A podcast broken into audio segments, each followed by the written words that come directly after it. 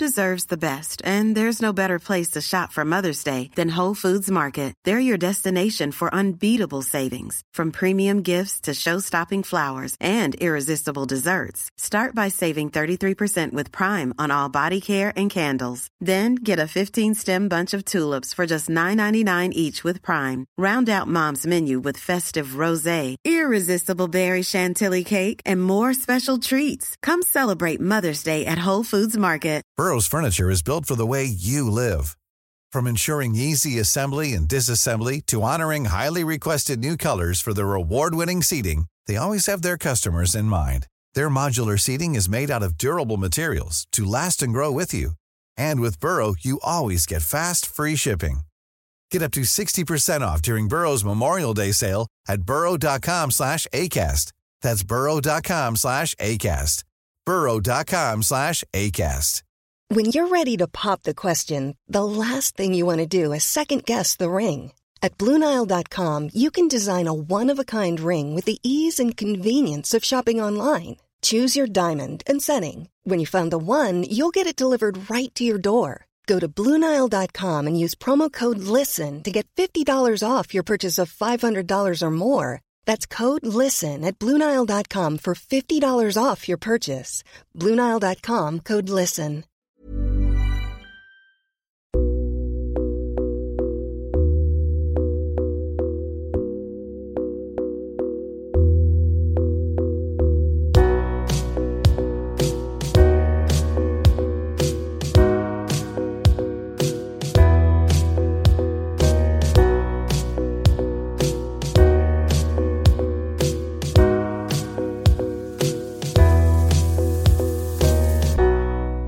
Du lyssnar på Säg vad du vill Åland, en lokal podcast med fokus på fria samtal. Jag heter Jannik Svensson och producent för podden är Didrik Svan. Vår podd består av mastodontsamtal. Vi vill ha långa samtal eftersom vi då får chansen att verkligen gå in på djupet.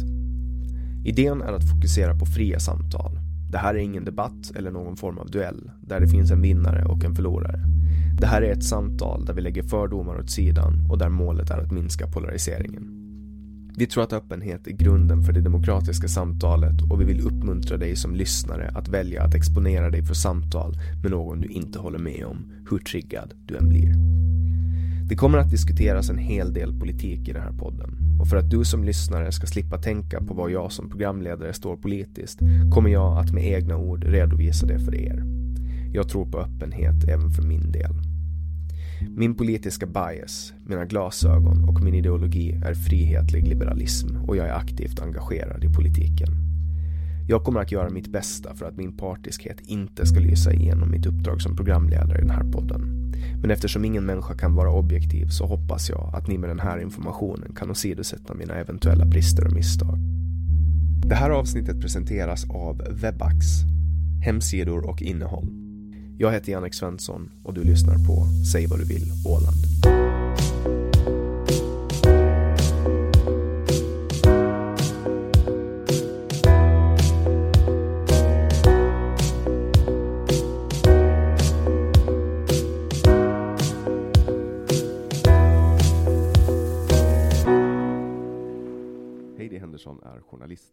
Amatörskådespelare. Hon jobbar på Nya Åland och har ett specialintresse för hållbarhetsfrågor. Hon har en master i Sustainability Science vid, Lunds universitet och har tidigare jobbat som allmän reporter på Expressen och tidningen Åland.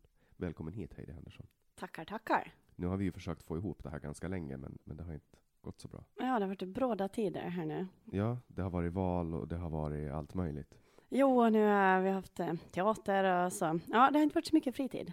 Är det Snurr på Sosis eller Yes. En pjäs av Robert Livendal? Ja, en av många. Ja. Eh, Min farmor var ju med i Sosis vänner före det revs. Åh, alltså jag har ju inte insett liksom hur fina de här husen var. Alltså hur, vilka fantastiska byggnader vi hade här en gång i tiden och liksom hela det där ja, men, utelivet på 20-talet. Och, ja, Nej. vad har din farmor sagt då? Nej, men hon, hon eh, engagerade sig där för hon, hon tyckte att det var ett stort misstag att dels riva Sosis men också bygga projekt 77, alltså landskapsregeringen, lagtinget och arken. Ja, det är inte de vackraste byggnaderna, nej. Verkligen inte. Och sen idag har vi också Kajsa Borgström med oss, Ja, hej. som, Igen. som var med i för, förra samtalet också. Ja, jag är tillbaka igen. Ja, som är, är tillbaks igen. Eh, känner du till eh, SOSIS, Societetshuset? Nej, jag gör inte det. Det är ju den här bilden som min mamma har i matsalen. Finns det en stor tavla på ett gammalt, gammalt hus. Okej, är det vitt?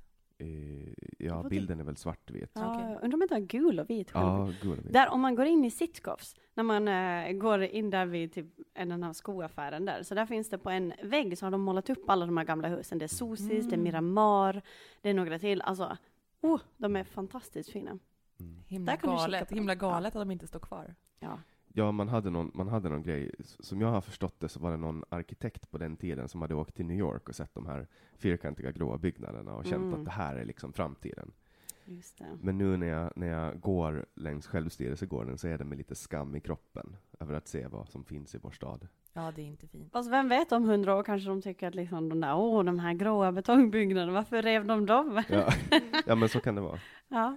Så kan det vara. Och SOSIS användes ju till många olika ändamål. Det var ju polisstation och det var Jaha, det visste jag inte. och det var ju liksom, det var ett jättestort hus. Det var dans och barer och grejer. Men eh, Dans och bar och polis i samma hus. Det var behändigt. Det låter som ett stort hus. ja, det var Verkligen. väl på Behändigt för polisen, inte behändigt för de som festar. Nej. Just det, men, men eh, tillbaks till Heidi Henderson då. Eh, Du är journalist och jobbar på Nya Åland. Ja. Hur länge har du jobbat på Nya Åland? Oj, eh, till och från eh, flera år, men eh, blev fastanställd nu i år. Grattis. Tackar, tackar. Det är ju inte så lätt att bli fastanställd journalist efter 2012. Nej, men eh, Åland har ju, vad ska man säga, är ju lite en avvikare i den trenden, eh, känner jag. Att det finns ju, har ju ändå varit ganska mycket både nyanställningar och, och ja, så att eh, det är väl hit, hit man ska ta sig om man ska Ja. bli en fastanställd journalist. Det verkar så. Eh, och, och du har också jobbat på Expressen. Jo. Och där skrev du mycket om klimat och miljö, det kommer jag ihåg. Ja, jo, det blev så. Jag, var allmän reporter, eh, men sen, ja, på grund av att jag intresserar mig för de här frågorna så blir det ju att man hittar nyheter på de områdena. Och, och de var väldigt mottagliga för det, mina chefer. Och sen efter, efter att jag slutade, eh, det här var bara ett eh, sommarvikariat, och jag åkte iväg sen och gjorde en praktik utomlands. Så då under den eh, hösten så startade vi upp den här eh, klimatredaktionen. Och då var jag så här, harm! jag skulle vilja stanna kvar. Ah. Men eh, ja, men så att jag, jag tycker det är jättehäftigt att det satsas verkligen på det här.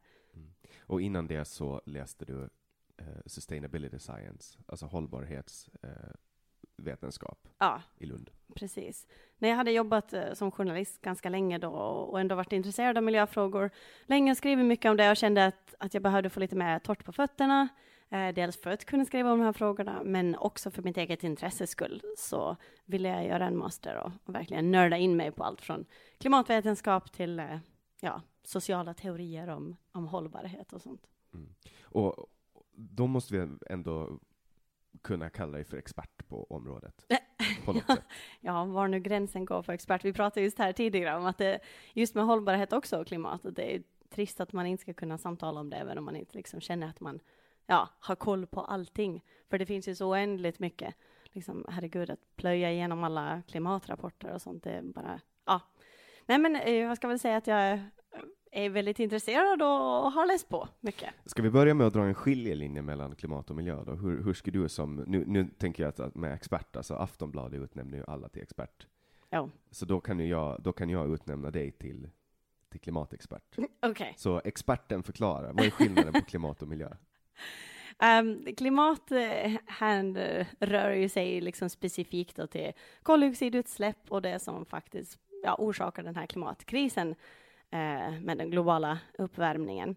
Eh, men sen miljö, där kommer ju också mycket annat, allt möjligt från ja, ekologi, alltså ja, vad man använder för besprutningsmedel eller vad man tar tillvara på och återbruk. Alltså det är ju verkligen jättebrett. Det har ju också med jordkvalitet och ja, djur, hur, hur mycket de dör ut och Men det Ja. har alltså med, med typ gifter och sånt som kommer ut i naturen att göra?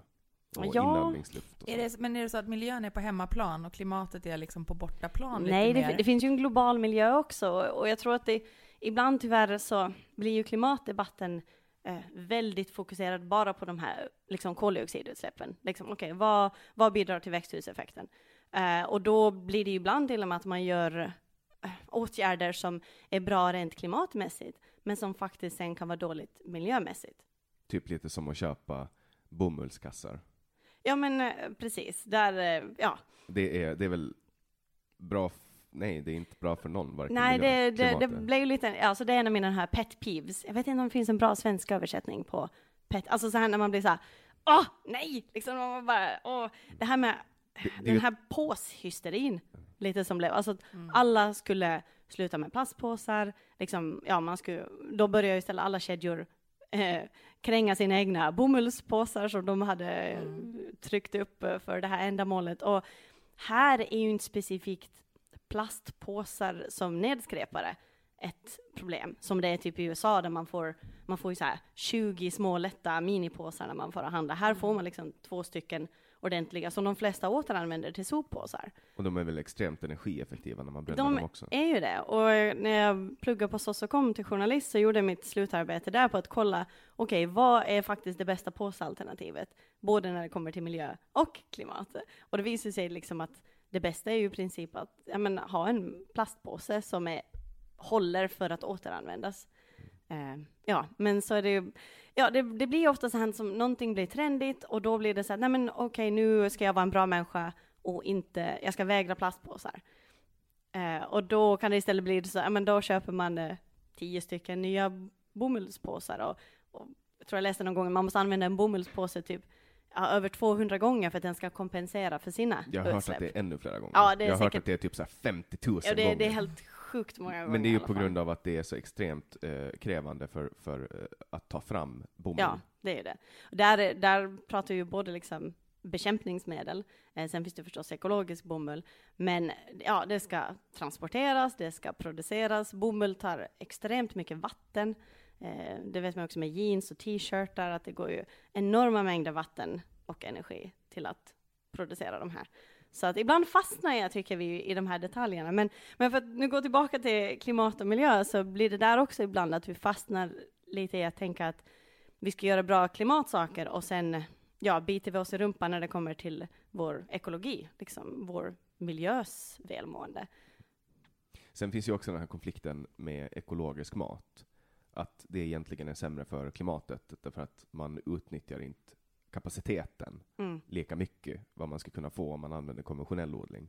Ja, det där har ju ja, tvistats fram och tillbaka extremt mycket, speciellt i Sverige, där det finns liksom de här olika schismerna med, med jordbruksproducenter och universitet och sådär. Men ja, man kan ju säga så här att om det ska vara ur en rent klimatperspektiv så måste ju ekobönder använda traktorerna mer, vad jag har förstått. Eh, jag är ju inte en eh, traktorexpert eller, eller jordbrukare, men att då blir det så här, "Ha, men då släpper de ju ut mer. Då är det inte klimatsmart. Men ja, vad, sen olika konstgödsel, hur mycket går det till att producera det energimässigt? Så det är så mycket man måste ta i beaktande. Och, och jag tror också att vi måste ta ett lite större helhetsperspektiv på att liksom vad, vad är sist och slutligen bra för vår jordmån? Uh, urlakar vi den om vi bara liksom använder Det är ja. ju redan kört på den Ja, punkten. precis, alltså. det- För där, vi får ju liksom inget, eh, vi, nästan alla människor behöver ju extra zink. Och där har vi liksom urarma jorden, så att och, och, zink kommer från växter, alltså växterna drar upp det ur jorden. Och om man har liksom urarma jorden, då finns det ingen zink, så att alla människor går egentligen utan tillräckligt med zink. Ja, samma liksom fosfor och kvävecykeln. Alltså det, ja, jag, ibland blir det så att det blir väldigt, man, man tar inte här helhets, det blir väldigt, man kollar på vissa saker och så, ja men då fixar vi det. Och så gör man det och så, oj, nu märkte vi inte att det hade den här liksom sidoeffekten. Whoops. Det är liksom DDT som man använde en gång i tiden. Det var ju liksom fantastiskt för att få bort malaria och allt sånt, men sen var det ju inte jättebra för andra saker. Nej. Eller som Så. de man byggde med asbest. Ja, Och precis. Det här var ju billigt och bra Ja, starkt. ja, ja. Mm. Vi blir ju smartare hela tiden och, och ser mer av de här större bilderna och skeendena. Men ja, det finns fortfarande mycket som skulle kunna tänkas om. Och, och nu är det ju en eh, klimat och miljövåg på gång i hela världen och det märker vi ju här också. Mm. Och Nya Åland har ju gått ut och gjort en, ett ställningstagande där man har bytt vokabulär. Jo, Hade du ett finger i spelet med ja det? det kanske jag hade. Um, det var egentligen uh, på, inspirerad av The Guardian. Uh, de, gick ju, de har ju länge haft en väldigt profilerad uh, miljöjournalistik. och då gick de ut med i våras att de ändrade sitt språkbruk för att kunna bättre, ja, vad ska man säga, porträttera krisen. De gick ju till exempel då från att inte prata om um, om global warming, utan, eller global eller climate change, som det är inte bara en förändring, utan de nu pratar bara om eh, global heating, liksom global uppvärmning, eller climate crisis, klimatkris. För att liksom, ja, vad, hur vi eh, pratar om saker har ju en betydelse för hur vi uppfattar dem också. Mm. Så, och de hade nog flera andra olika punkter, och då tog jag upp det här med, med mina medarbetare på nyan, och de tyckte det här var ett bra initiativ och vi hade ju redan under det senaste året också satsat mer på vår miljö och klimatrapportering. Så då tyckte vi att, ja men, kan vi inte göra någon uh, svensk version? Och vad jag vet så var det ingen som ännu hade gjort, ja, gjort en uppdatering till en svensk ordlista, för det är lite andra ord som vi använder. Så vad, vad, vad händer då eh, för dig om, om det visar sig att klimatförnekarna har rätt? Att klimatförändringarna är en stor världsomspännande konspirationsteori och allting faller, vad händer då? Ja men herregud, jag skulle väl bli glad att det inte skulle finnas en klimatkris. Skulle du gå ut och säga att vi hade fel? Ja, ja det skulle, om, om världens forskare skulle gå ut med att de är eniga om att, ah, nej, det här var nog inte så, så som vi trodde, så jo. Tror du att klimatförnekarna skulle göra samma sak? Om det visar sig nu att klimatkrisen existerar? Knappast. Vad, vad tror du skillnaden på För de gör ju inte nu, och det är sant att det existerar. Så liksom, ja. För att nyligen så kom det ju eh, någon form av debattartikel där 11 000 eh, klimatforskare hade skrivit under.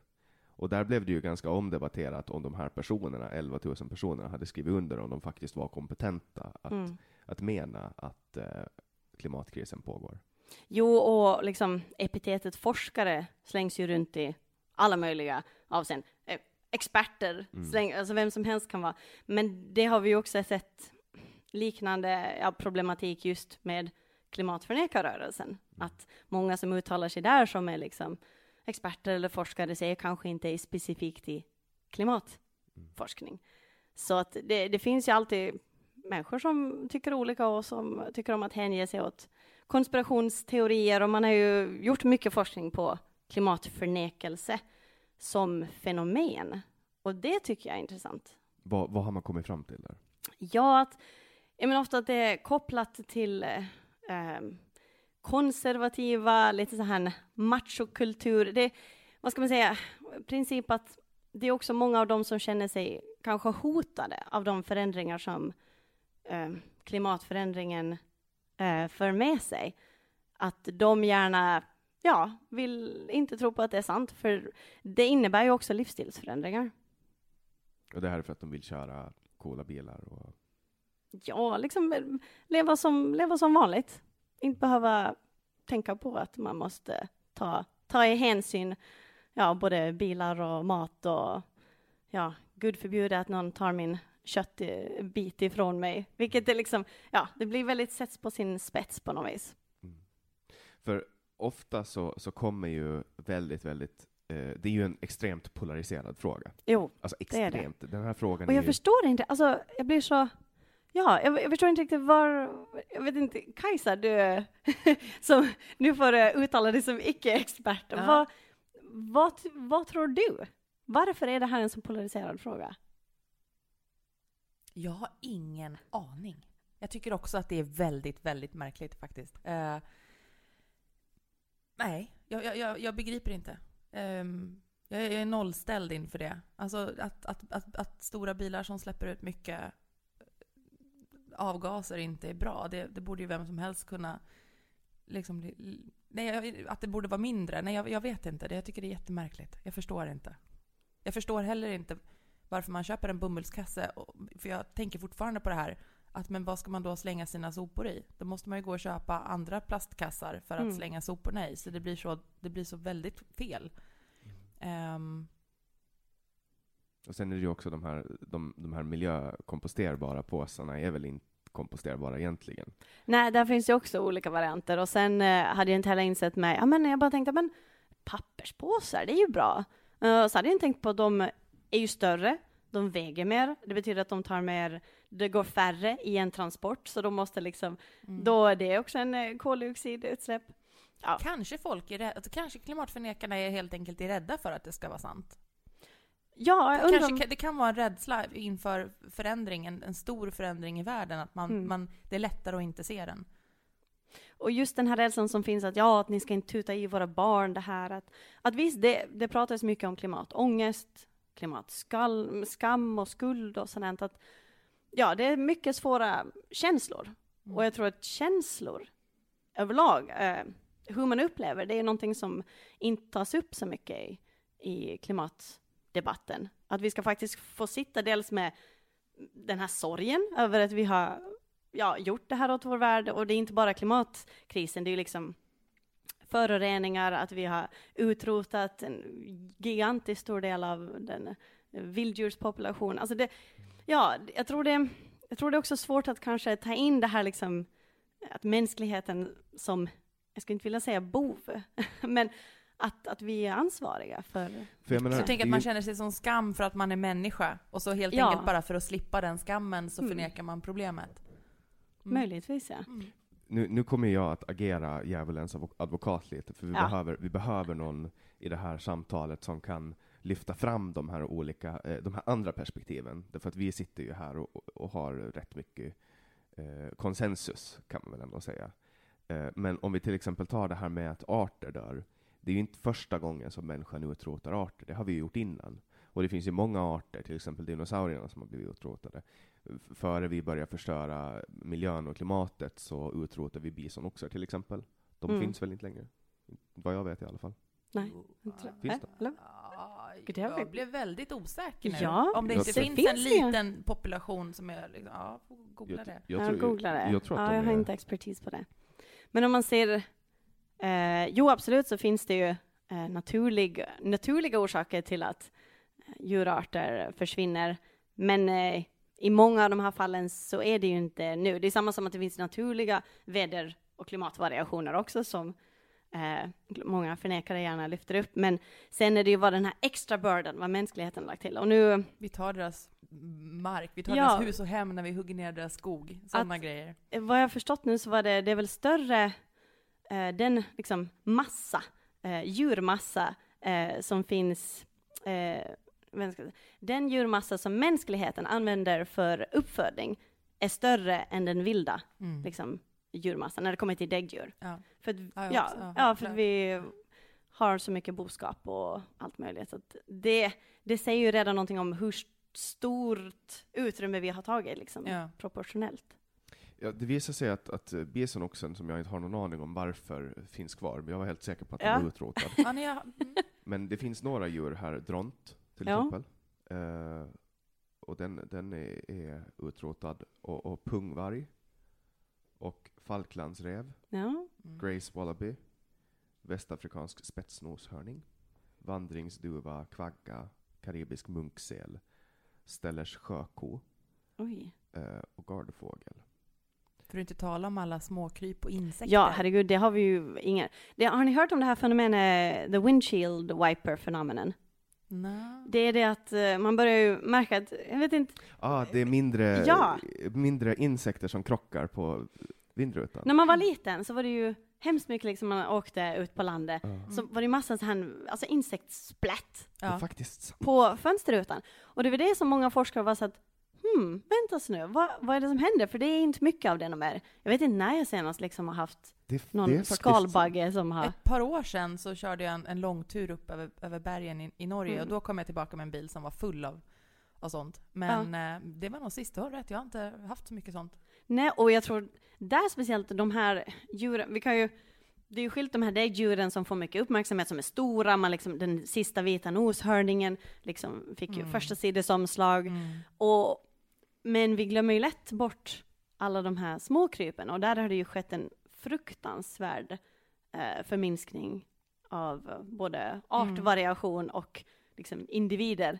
Det försvinner arter som vi inte ens visste Nej, fanns. precis, bara en sån sak. Vi har ju inte ens koll på hur mycket som finns liksom krälande runt. Mm. Alltså om, om, om vi tänker tillbaks, eller alltså, om, om vi går in i, säg att vi går in nu, vi reser 500 år fram i framtiden, så tittar vi tillbaks på den här tiden, då kanske eh, det här kan vara, nu är jag djävulens advokat igen, det här kanske är en del av evolutionen, av hela människans evolution. Att vi håller på att utveckla en, en ny art, till exempel. Vi håller på att elevera in med, med eh, alltså till cyborgs, att vi börjar plantera in im elektroniska implantat och att de här, den här faunan som vi dödar, det här är liksom en del. Vi kanske är på väg att kolonisera jorden och så kollar man tillbaks, eller men, Mars eller någonting, och så kollar man tillbaks om 500 år och säger att det här bara var en naturlig del, att vi var inne i en helt naturlig utveckling. Kan det vara på det sättet också? Alltså om det är så, så då skulle inte jag vilja bli del av den evolutionen. Alltså det känns som att då evolverar vi till någon sån här rövhålls... Ja. Nej, men för, för, menar, vi, för vi pumpar ju det vi gör idag, vi kör ju bil på döda dinosaurier Mm, och ja, biologisk massa. Så att Mm. nu, flera miljoner år senare, så är ju de drivmedel i våra bilar. Jo, och de, har ju, de har ju verkligen eleverat jorden, för förbränningsmotorn är ju typ en av de största uppfinningarna som har skett. Alltså, och, och den har varit smutsig, ja. Eh, det som håller på att hända nu är att vi hittar bättre alternativ. Mm. För nu försöker vi komma bort från förbränningsmotorn och komma bort från fossila bränslen. Så att det, det, det jag försöker komma fram till är att tänk om det här bara är, tänk om det visar sig i framtiden, när, när vi är så här hundra år och tittar tillbaka så här, oj vad vi höll på med då, liksom, Var, varför gjorde vi så här? Typ, vi kanske sitter på Mars och tittar ner på jorden och bara, ja, det fanns en tid när människan levde på jorden. Men där, jag, jag kanske, ja, jag är ju en liten här ruckelromantiker och i vissa avseenden kanske folk tycker att, att jag är bakåtsträvande sådär, men jag förstår inte varför vill vi sitta på Mars? Alltså, jag blir också så här, ibland blir jag helt, Men jorden kommer ju att gå under, det vet vi ju. ja, ja, men det, och, och det vet vi ju inte när. Nej, men det sägs väl att det är om 50 000 år eller någonting så kommer en, en stor meteorit och, och spränga jorden. Ja, men fram tills det så har vi nog själva uh, hunnit förstöra den flera gånger. Om man tänker nu bara konsumtionsmässigt, när vi pratar om planeter och jordar, hur mycket vi konsumerar som inte jorden kan återskapa. Vi ligger ju på liksom, vad var det nu i, det var, det, datumet blir ju tidigare varje år, den här overshoot day, då när vi har gått förbi vad vi, liksom, jordens budget för det här året. Så från och med, jag tror det var väl i slutet på augusti i år, som vi liksom, nu har vi levt, nu lever vi på lånad tid, liksom, vi slösar upp. Eh, och då förstår jag inte varför kan inte vi satsa på att leva hållbart på den här planeten först, innan vi då börjar titta på att eh, ta oss vidare till Mars eller Ja, för man har ju, jag håller med om den här romantiska idén att man vill bo på den här fina gröna blå planeten som vi har. Mars känns ju som en grå, död, kall, ogästvänlig. Varf, jag håller med, varför skulle vi vilja sitta där? Jag förstår att om, om man, det är intressant att tänka sig och jag förstår att det finns de som är, utvecklar idén om att vi skulle kunna bo där eller åka Mm. dit mer. Men eh, det, det bästa måste ju vara att, att stanna kvar här och ha det grönt och skönt. Men jag håller med nog eh, i vad du säger Annika, jag tror att det här är en väldigt, eh, förstås alla generationer har väl alltid tyckt att det här är en väldigt kritisk tid, liksom, det är nu som det händer sådär, men eh, om man tar ett mer filosofiskt perspektiv eh, så är det ju många hållbarhetsfilosofer som det också finns ett skilt eh, forskarsegment inom, tänkte jag säga, eh, som ja, säger att det här är en sån här transi- transition phase liksom gå från en gammal historia till ett, till ett nytt narrativ av mänskligheten och vad är utveckling och allt sånt. Och det har ju varit väldigt nu dominerat av ja, men teknologisk dominans, det är lite så här härskarkultur, liksom människan över allt annat. Och nu är vi i någon sorts här brytningsfas. Och och det är intressant när du lyfter upp det här om liksom 500 år, när vi ser tillbaka på vad vi gjorde nu. Vem vill vi bli? Alltså, hurdan, hurdan mänsklighet vill vi utveckla? Vad, ska vi bli en mer etisk, eh, ett etiskt folk som ja, men, tar ett mer helhetstänk? Och, eller ska vi bli mer hänsynslösa och, och, och hitta sätt att till och med sätta andra planeter under vårt herravälde? För jag menar, människan har ju alltid drivits jättestarkt av moral. Alltså, kollar vi på hur, hur religioner i tiderna har, har drivit människan, så är ju det en, en moral. Det, det har funnits någonting man har avgudat, Jesus eller eh, Allah eller eh, någon form av gud. och man har, man har liksom följt det. Och nu, nu blir ju vi mer och mer eh, icke-troende. Men, men det finns också en kritik mot klimatrörelsen, att den har blivit, den kallas ofta för sekt och den kallas Mm. ofta för religion. Eh, finns det någonting i det här? Sä- Säger du som expert på området. Gud, jag är fortfarande obekväm med den där termen. Men eh, ja, all, allting kan ju tas för långt. Det, det, och det finns ju absolut ett, eh, en segment av eh, klimatrörelsen som jag har svårt med, den som är väldigt skuldbeläggande. Den som pekar finger på den som inte vet du, gör allting perfekt. Den som inte lever ett, liksom, det här utopiska ekolivet. Och det tror inte jag heller är hälsosamt. Eh, det, blir, det är ju vad ska man säga, en eh, vågskål där det inte kan få gå för långt åt, åt vardera hållet.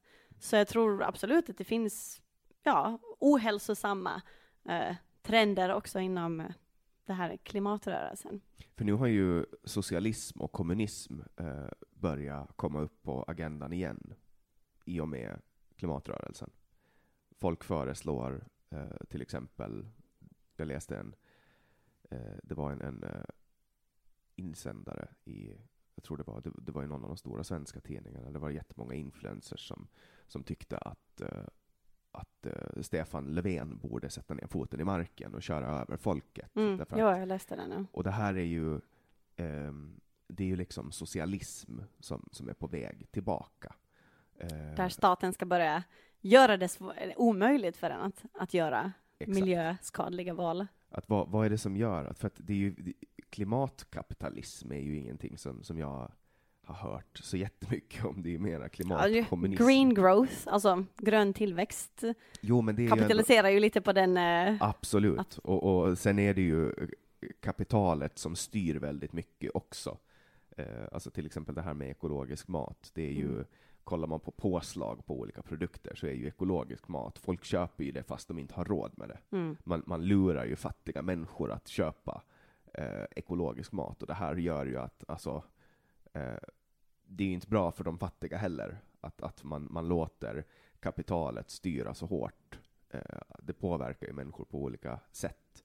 Men, men när man kollar på olika lösningar som föreslås så är ju ofta eh, socialistiska lösningar någonting som kommer på agendan. Alltså där man helt enkelt ska eh, köra över folk för att, för att nå det här högre målet. Vad, vad tror du att, att det gör? Vad, vad är det som gör att, att man liksom går tillbaks till modeller som man har testat förut som har visat sig att det inte funkar? Ja, så jag vet inte om jag skulle gå så långt som att säga att det här uppropet just av de här olika influencers eh, där de vill att, att hjälp oss välja rätt. Eh, visst, man kan ju tolka det som att det går mer mot en någon sorts här totalitär. eh, men eh, där känns det nog mer som att, att man känner sig frustrerad. Jag tror det finns en frustration med eh, jag skulle kanske mest säga det här marknadsekonomiska tänket då, att, att det, det är ju tyvärr just nu billigare att inte göra etiska val. Om man, om man tänker liksom krasst, att det är ju enorma subventioner som går till de olika fossilföretagen. Uh, jag menar, men nu i Finland, vi har ingen flygskatt. Uh, och där kan man ju sen uh, fortsätta sen att ja, men oj, ska man nu faktiskt liksom ja, skatta på de här, en småbarnsfamilj som vill åka till Thailand en gång om året, är det verkligen de som ska betala för det? Men alltså sist och slutligen så måste ju sluta, det måste sluta vara så billigt att välja de enkla, mer miljöskadliga vägarna. Och jag tror väl där ligger vi nog den här kärnan till den här frustrationen. Sen att det tar sig uttryck i olika eh, exempel på hur man ska gå tillväga, men jag tror det finns en väldigt trötthet och, ja, på hur saker och ting är. Och säkert liksom politikerförakt spelar in det där också. Och, och mycket också kanske det här föraktet mot, inte vet jag, inte förakt, men alltså att eh, sociala medier som det visar också mycket de här rikas livsstil och så man känner att jaha, varför ska jag måste göra avkall på något? Det är ju de här som flyger runt i sina privatjättar och ja, jag tror det känns för mig i alla fall som att grunden är något här orättvist tänk. Mm.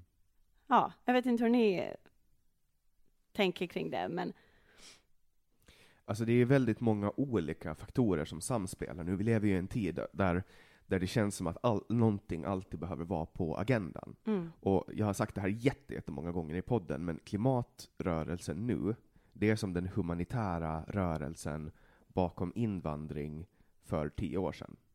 Då var ju det liksom va, varje dag. Eller Peace and Love-vågen. På Liksom 70-talet. 60, ja, 60-70-talet. Att det, det känns som att alltid någonting, jag har ju bara upplevt egentligen, som jag har varit politiskt medveten, har jag egentligen bara upplevt två eror. Men innan det så var det väl och, och, djur, man skulle rädda djur och sånt. Mm. Och ozonlagret minns jag också, som var väldigt, väldigt populärt. Och då, Men det, var, ja, det, det var ju viktigt, det var ju ett hål i ozonlagret då. Det Och det, är ju, och det är faktiskt en, alltså, en av de få gånger där internationell samverkan verkligen har Hjälp. Man, har, ja, man, har man gick in för det hårt, man eh, fick alla att komma överens och man fixade. Mm. Liksom, och det Montrealprotokollet tror jag som var en av de här grundstenarna till att liksom, det där är en, faktiskt visar på att det finns globala och katastrofartade problem som vi har mött tidigare, som vi har fixat. Mm. Så det är inte liksom, det är inte kört. nej. Och, och det var ju också en väldigt konkret grej. Alltså för man, kunde, man kan ju mäta ozon. Mm. Eh, när det kommer till klimatet, alltså till exempel Pariser, eller säger man Parisavtal eller Pariseravtalet? Paris. Parisavtalet. Var har jag fått Pariser ifrån? Det låter ju snajdigt. Ja, det är snajdigt. Men, men där har man ju, där, där är det ju också någonting som, man vet väl inte 100% om det är möjligt att uppnå de här målen, eller? Nu är det också så att den här eh, gr, ska, gradmålet, först så satt man ju att, att om vi ökar till två grader eh, före de här preindustriella nivåerna, det är därför man räknar liksom innan, innan industrialismen kom igång. Om vi skulle då öka med två grader från dem, så det skulle liksom ha katastrofala, katastrofala påföljder. Och det är det som Parisavtalet hade ju först liksom två grader, 1,5 rekommenderat. Eh, att liksom, okej, två är liksom gränsen, vi ska liksom sträva mot 1,5. Men sen efter det så kom ju alla de här studierna eh, och forskarna som börjar liksom hojta om att nej, två grader är redan för mycket, liksom 1,5 är den här tröskeln. Eh, och det som är, vad de menar med den här tröskeln, är att efter det så har man svårt att förutspå vad som kommer, det, man kallar det liksom så här dominoreaktioner. Det är så att när man väl har gått över det, så då har man liksom satt jordens klimat i sånt jag säga? Rullning. Ja, Bollen i precis. rullning. Ja, bollen i rullning. Och då blir det som att då kommer det bara brr, brr, brr. Alltså, det är så mycket som man inte ens kan börja räkna på. Var ligger vi nu då? Eh, nu, vi har en sån här nedräkning eh, som vi tar med en gång eh, i veckan på Nya Ålands uh, debattsida. Det är baserat på ett universitet i Tyskland som gör den här räkningen baserat på då 1,5 graders gränsen och hur mycket vi släpper ut och hur mycket vi har kvar. Och enligt dem så har vi, med de mängder som vi släpper ut nu, så har vi åtta år på oss innan vi når 1,5 grader. Och det är för länge, eller? Det, alltså det, det är ju för, för kort tid. Det är alltså, kort alltså tid. det är ju väldigt kort tid. De sa ju tidigare att vi hade okej, 12 förlåt. på... Jag, Jo, tror, jag tror du menar alltså tills vi når målet. nej, det nej, är alltså tills, tills vi slår i... nej, tills vi, taket. ja, nej, tills vi har kommit... Tills, då har vi släppt ut så mycket så då kommer vi att... Tills det är skit, Tills det skitet skiter i det sig. blå skåpet. Liksom. Ja. Ehm, så, och de sa ju tidigare att vi hade 12 år på oss eh, och, och det känns som att det här fönstret blir hela tiden mindre och mindre för man, det är så mycket som man inte har insett. Som du sa, just forskning på det här temat är jättestort. Det kommer hela tiden nya saker och man säger oj, det här har vi inte räknat med, oj, det här hade vi inte tittat på. Men ja, det är lite läskigt.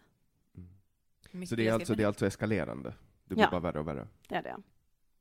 Hur är elbilar? Alltså är de, hur, hur pass jämfört med en bensin eller dieselbil? Är den bra eller dålig? Oj, gud, det här är inte min eh, största, jag har inte ens bil. Men eh, Jag bara ehm, slänger ut frågan, ja. för jag kom på att energin måste ju tas någonstans ifrån. Mm. De måste ju laddas, så de måste ju fortfarande ha Precis. energi. Så vilken energi är egentligen renast? Kärnkraft är väl den redan? Kärnkraft är ju renast. Och där kommer ju andra etiska frågor. Vi, vi vet inte om vi ska gå in på kärnkraft också. Som, men eh, ja, det finns mycket att ta i. Jag Ta i gillar ju vindkraft väldigt mycket. Jo, alltså problemet, det finns ju helt gigantiskt mycket liksom, att ta tillvara på inom förnybar energi. Det svåra är ju lagringen. Mm. Ja. Det är det som, liksom vart man ska. Och där är ju det intressanta med den här, den här gamla gruvan eh, som vi skrev om för ett tag sedan. Ja, alltså den som, som de håller på och sitter och vaktar. Nej, in, inte enda Rexit-gruvan. Den här som är någonstans ute på någon ö. Oj, gud, nej, jag Ja, kommer tänker ihåg. du den ute på Nyhamn eller? Ja, precis. Där de har tänkt att de ska ha den som en sån här energilagring. Att man, när det produceras för mycket eh, el då från eh, vindkraft, när det blåser mycket, eh, så tidigare har den här överskottsenergin bara pluff, för den kan ju inte lagras och då bara går den åt.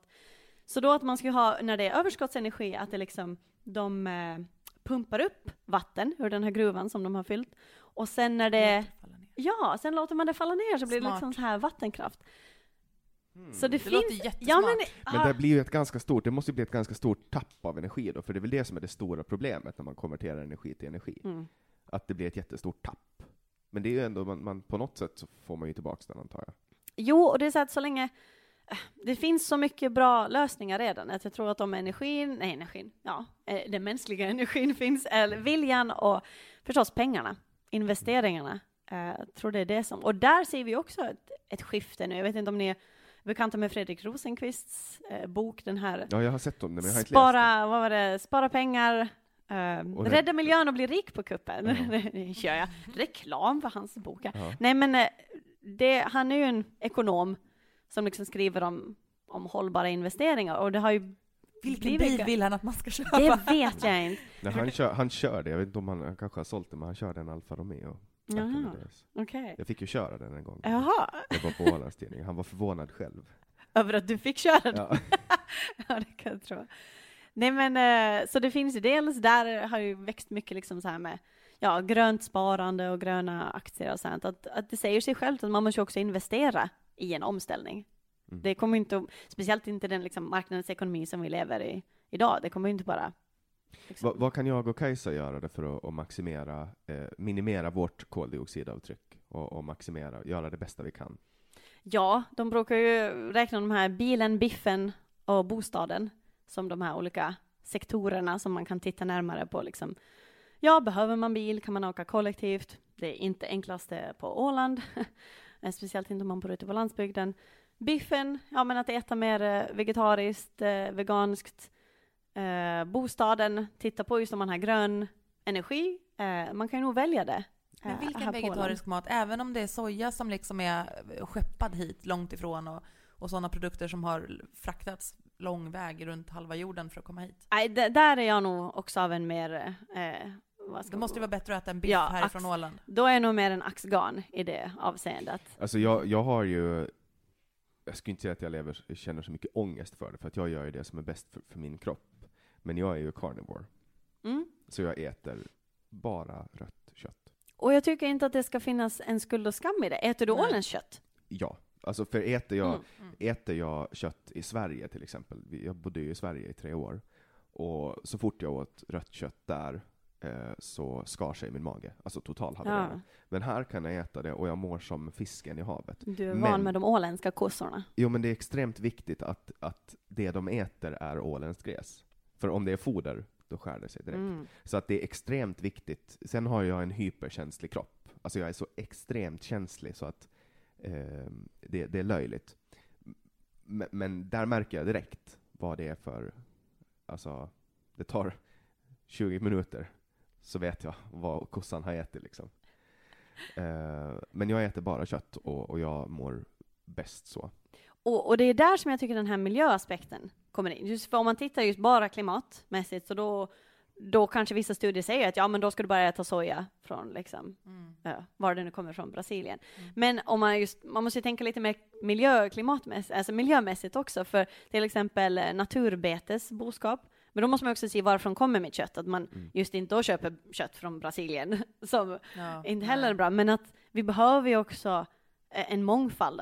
Naturbeteskött är bra för då är de ute, ute på fälten och mumsar i sig och de liksom bidrar till, Biologiska till, ja, mångfalden. till den biologiska mångfalden. Så att, nej, jag kommer ihåg faktiskt när jag var på Ålandstidningen för länge, länge sedan då, när jag skrev upp på jul, vi ska ha julfest och så ska man skriva upp på middagen där. Och jag var inte, jag är fortfarande inte liksom hel eh, vegan eller vegetarian. Jag äter också ibland eh, kött. Och så skrev jag upp där då att vegge. För jag, oftast, jag tycker oftast det är godare vegetariska rätter på restauranger. Jag. Eh, så jag väljer nästan alltid det. Och då hade jag skrivit upp det, så var det någon som kom och bara Va? Men du är ju inte vegetarian. Jag såg ju det äta en hamburgare här veckan. Jag bara, ja, men jag får, nej men du får inte skriva vegetarian om du inte är 100% vegetarian. Och jag bara, men herregud. Jag tycker där blir det också någon Det- sorts sån här... Det, Nej men att få, hålla på och lägga sig i andra människors kost, det tycker jag är Ja. jättekonstigt. För jag har ju, du vet ju det, när, att när vi började jobba eh, tillsammans första gången 2012, så var jag, vägde jag så här 122 kilo eller någonting. Och, och sen har jag bara hållit på att pendla upp och ner och upp och ner. Och, och det har att göra med att jag har liksom gått igenom den här resan. Vad kan jag äta, vad kan jag inte äta? Och så går jag på någon smäll och det tar ju ungefär ja, men, mellan, ja, men, runt ett år före jag kan utvärdera en diet och, och se om är det här någonting som har funkat för mig. Och jag testade ju vegetariskt och veganskt ett tag. Eh, och det höll jag på med under en väldigt, väldigt lång tid. Och jag har aldrig mått så dåligt som jag gjorde då. Jag fick gå på toaletten två, tre gånger om dagen och det blev för mycket fiber helt enkelt. Mm. Det, min mage klarar inte av att och, och liksom bearbeta det här. Jag mådde riktigt dåligt. Och sen testade jag ju då tvärtom, raka motsatsen. Och, och sen testade jag också då vegansk eh, keto, där jag bara åt Mm. naturliga fetter. jag har hört om det, himla många som... Mm, men det var, det var inte bra. Alltså för att man, man blir ju tvungen, och då, då hade jag också eh, ganska dåliga fetter, alltså rapsolja och sånt som är svårt att, att ta ut ur, eh, inte kallpressade oljor. Eh, och det var också väldigt, det var också extremt svårt.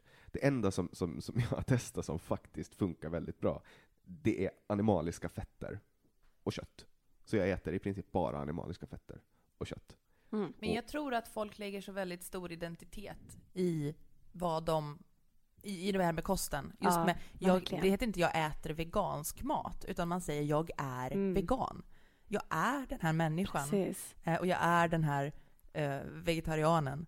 Så Ja, jag tror faktiskt det... Ja, jag tror vi kanske lite måste frångå sånt också. Att det, att det är väl kanske därför också som det, det blir väldigt eh, känsligt för de som till exempel äter mycket rött kött och känner att jaha, nu blir jag liksom skuldbelagd. Här kommer någon att säga att inte jag får äta kött något mer. Ja, så Mm. det är väldigt, alltså det handlar om livsstilar. Vi, vi är vad vi äter, vad vi gör, hur vi transporterar För- oss. För det är ju extremt svårt för människor. Jag har ju alltid, eller de senaste tre åren i alla fall, har jag haft en jättealternativ livsstil när det kommer till kost. Jag har ju verkligen varit på jakt efter någonting som funkar för min kropp eftersom jag har haft så otroliga problem på alla olika plan. Och, och det vanligaste som finns för mig när jag sitter och äter med folk är att folk pratar om vad jag äter. Mitt förra jobb så var det varje dag så var det någon som pratade om, om min, min livsstil. Och nu häromdagen när jag åt på lagtinget så var det en eh, lagtingskollega som tittade på min mat och frågade vad, vad håller du på med? När jag satt en stor bit smör på en Ja. omelett som jag hade beställt. och då var det så här, vad håller du på med? Hur är dina kolesterolvärden egentligen? Du vet så, och då är det så här, då ska jag börja förklara för den personen att jag, jag har gått igenom den här livsstilen, alltså då, jag, jag orkar inte ens längre. De får tro att jag, alltså de får tro att jag kommer att dö i en hjärtattack Mm. om tio minuter, om de vill. Alltså, det är liksom, folk ska alltid hålla på att lägga sig i, och så är det också med att när jag, när jag åt eh, vegetarianskt och veganskt eh, och pescetarianskt, att folk ifrågasatt varför. Mm. Varför gör du det där? Folk har alltid åsikter om... Ja, jag vet inte varför kost är så himla... Det blev väldigt personligt och känsligt det där. Men ja, som sagt, jag tycker man ska göra det som känns bra för kroppen, men just ta i beaktande både miljö men också etik just så här att ah, okej, jag äter kött. Hur vill jag att de kossorna ska ha växt upp? Och, ja. Alltså, kollar man på gräsbetat kött till exempel, så är ju det, det gör ju jättemycket, för, för att du har, alltså, tar man kor som äter foder, då har du ju först så ska du ju laga fodret någonstans, och då ska du skövla ner marken, döda all biologisk mångfald, döda alla insekter, allting som bor där, och allting som, som frodas i jorden. Och så ska du börja odla där, och så ska du utarma jorden, och så ska du ta det, Eh, och så ska du liksom köra det till en fabrik och så ska du laga foder och sen ska du ge det till djur som står inne i en inhägnad. Och Mm. den inhägnaden skulle också kunna vara mark. Så varför inte istället låta korna gå på ängen, äta gräset, äta blommorna, Mm. eh, bajsa och, och hålla på med det de håller på med eh, och sen äta köttet. När det är naturligt. Varför ska vi behöva liksom ta massa landareal eh, och, och, och liksom laga foder åt kor som får stå inne och må dåligt i någon liten bur? Och det är väl där som... Ja, det är väl där som den här främsta argumentationen just i klimathänseende är att man liksom, det är ju så mycket mer energismart att direkt äta det här som odlas istället för att processa det till olika sorts foder och, och sådant. Men ja, som Men det, sagt. det mesta odlingen, när man till exempel odlar majs, det går ju till, till djurfoder. Mm.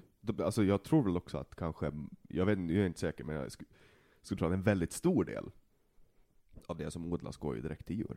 Men sen kan man ju också fråga sig liksom hur, hur mycket kött vi behöver äta. Alltså det är många, det är ofta som kött serveras både till frukost och lunch och mellanmål och kvällsmål. Alltså sådär att okej, hur, att kan man någonstans där också skära ner på det eller hitta andra alternativ? Det finns ibland också en sån här skepticism mot allt som är vegetariskt eller veganskt. Bara, "Äh, man blir inte mätt av det eller Ja. nej, det är ingen riktig mat eller sådant. Man Ja. rapar och säger man Ja, men det är sådär, ja, okej, har du prövat liksom? Det finns jättemycket gott. Så att, ja, kanske man behöver lite, ta en lite större tallrik av olika saker. Och där är det ju ganska sjukt när det har blivit de här, typ när de har infört typ köttfria måndagar i skolor i Sverige när det var några så här antidemonstranter som delade ut cheeseburgare utanför för de var så att med våra Det var ju barn. moderata ungdomsförbundet. Ja, ja, det var väl det. En ja. dag, ett mål, Ja, de alltså. överlever. Jag, så här, jag bara så De mår men, nog till och med bra. Ja men så herregud, ja, Ja. Det, ja, det blir väldigt dramatiskt väldigt snabbt. Men tänk, tänk hur reaktionen skulle bli om det skulle vara en eh, köttmåndag, där det bara var kött. Ja men det är ju det, varje dag. Nej men alltså där det inte fanns alternativ.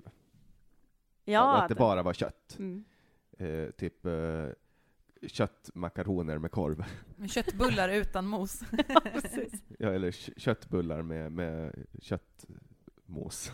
Eller någonting. Alltså, Men det är alltid sådär, det, det finns en, eh, en majoritet av någonting så finns det en minoritet. Det var i något, en föreläsning igår och faktiskt pratade om IF, nej, vad sa jag, i fotbollens eh, jämställdhet inom fotbollen på Åland.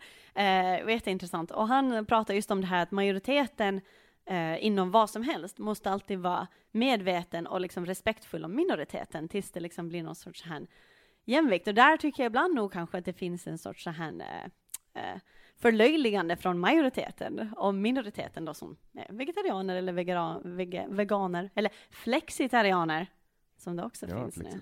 Ja. Och pescetarianer. ja, herregud, det finns ju så mycket olika nu så. Man kan ju inte ordna några middagsfester. Alla ska ha sina egna olika. Ja, människor vill ju också stoppa in folk i fack. Det är Mm. ett jäkla fackande och dit. Mm. Herregud, på middagsbjudningar och allt. Ja, exakt. Men sen, sen var det e- ett tag som jag åt bara majskyckling. Det mår jag också bra av, Mm. av någon anledning, och det är ju ingen naturlig grej som, som kycklingar ska äta. Majs. Men jag mådde otroligt bra av det. Det är intressant att det inte finns, eh, det finns ju inte åländsk kyckling. Men vad då har inte din brorsa en kycklingfarm? Nej, Men, det har varit en gammal eh, kycklingfarm där.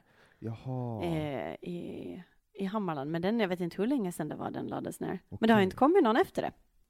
Okej. Så där finns det ju också en marknad. Men alltså å- åländsk bröd, det finns ju åländska ägg, men, Jo. men liksom ingen åländsk kycklingproduktion. det är det som är så sjukt. Vad händer med de här hönsen? Ja, det är väl kanske inte lönsamt. Nej, men vad, är, alltså jag antar att det kan ju inte vara så att de äter upp de, de som, det är ju, måste vara massvis med höns med tanke på all äggproduktion. Är det så att det då inte liksom, ja, är hönor som funkar Hönor för... som, nej, hönor som har lagt ägg, de är nog inte så goda att äta. Nej, och de är väl byggda, för, alltså avlade för att göra stora fina vita ägg liksom. Mm. Alltså de blir sega och tråkiga, men jag håller med dig. Alltså Ja. vart tar de vägen? Ja, precis. Det måste finnas, alltså där kanske vi också måste börja vara lite mer, ja, fundera, speciellt här på lilla Åland. Jag tycker Men vi jag är tror inte de kastas bara, eller? Jag Det skulle vet vara konstigt. Jag- Antagligen, jag skulle säga antagligen skeppas de...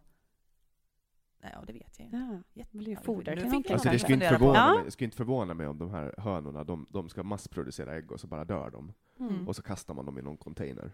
Möjligt. Men och det är gör som- biogas av dem eller någonting. Alltså, Ja. Men det, det har ju visat sig också tidigare, alltså mjölkkor, de går ju nog till slakt. Men det har inte alltid, det har inte sett som så här fint kött, för de är ju, ja, De är också de är mjölkkor. Men nu visar det ju att, att det finns olika sätt att eh, hängmöra, eller vad det Alltså först, man så här pensionerar mjölkkor, man skickar iväg dem ett halvår, och liksom då får Ja. de fara äta upp sig och bla bla bla, och sen skickar man dem till slakt, och det tydligen blir jättebra kött. mm. Men det är sånt som man inte, ja, vi måste börja tänka på hur vi faktiskt kan ta tillvara på det som vi har här. Jag tycker det är så fruktansvärt med mjölkproduktion, alltså det skulle vi faktiskt alltså, kunna lägga ner. Urs, är ursäkta mig, men det finns väldigt... Exploatering av, Ja, det, av det är alltså verkligen, nivå. man gör om dem till små fabriker, Mm. och så ska de liksom sitta och, och, och nej, och, och vi mår ju inte så särdeles bra av att dricka mjölk heller, människan. Alltså det, det är väl där som jag överlag när vi pratar om miljöproblem och klimat och sånt, att det, det känns också som vi har ett stort etikproblem.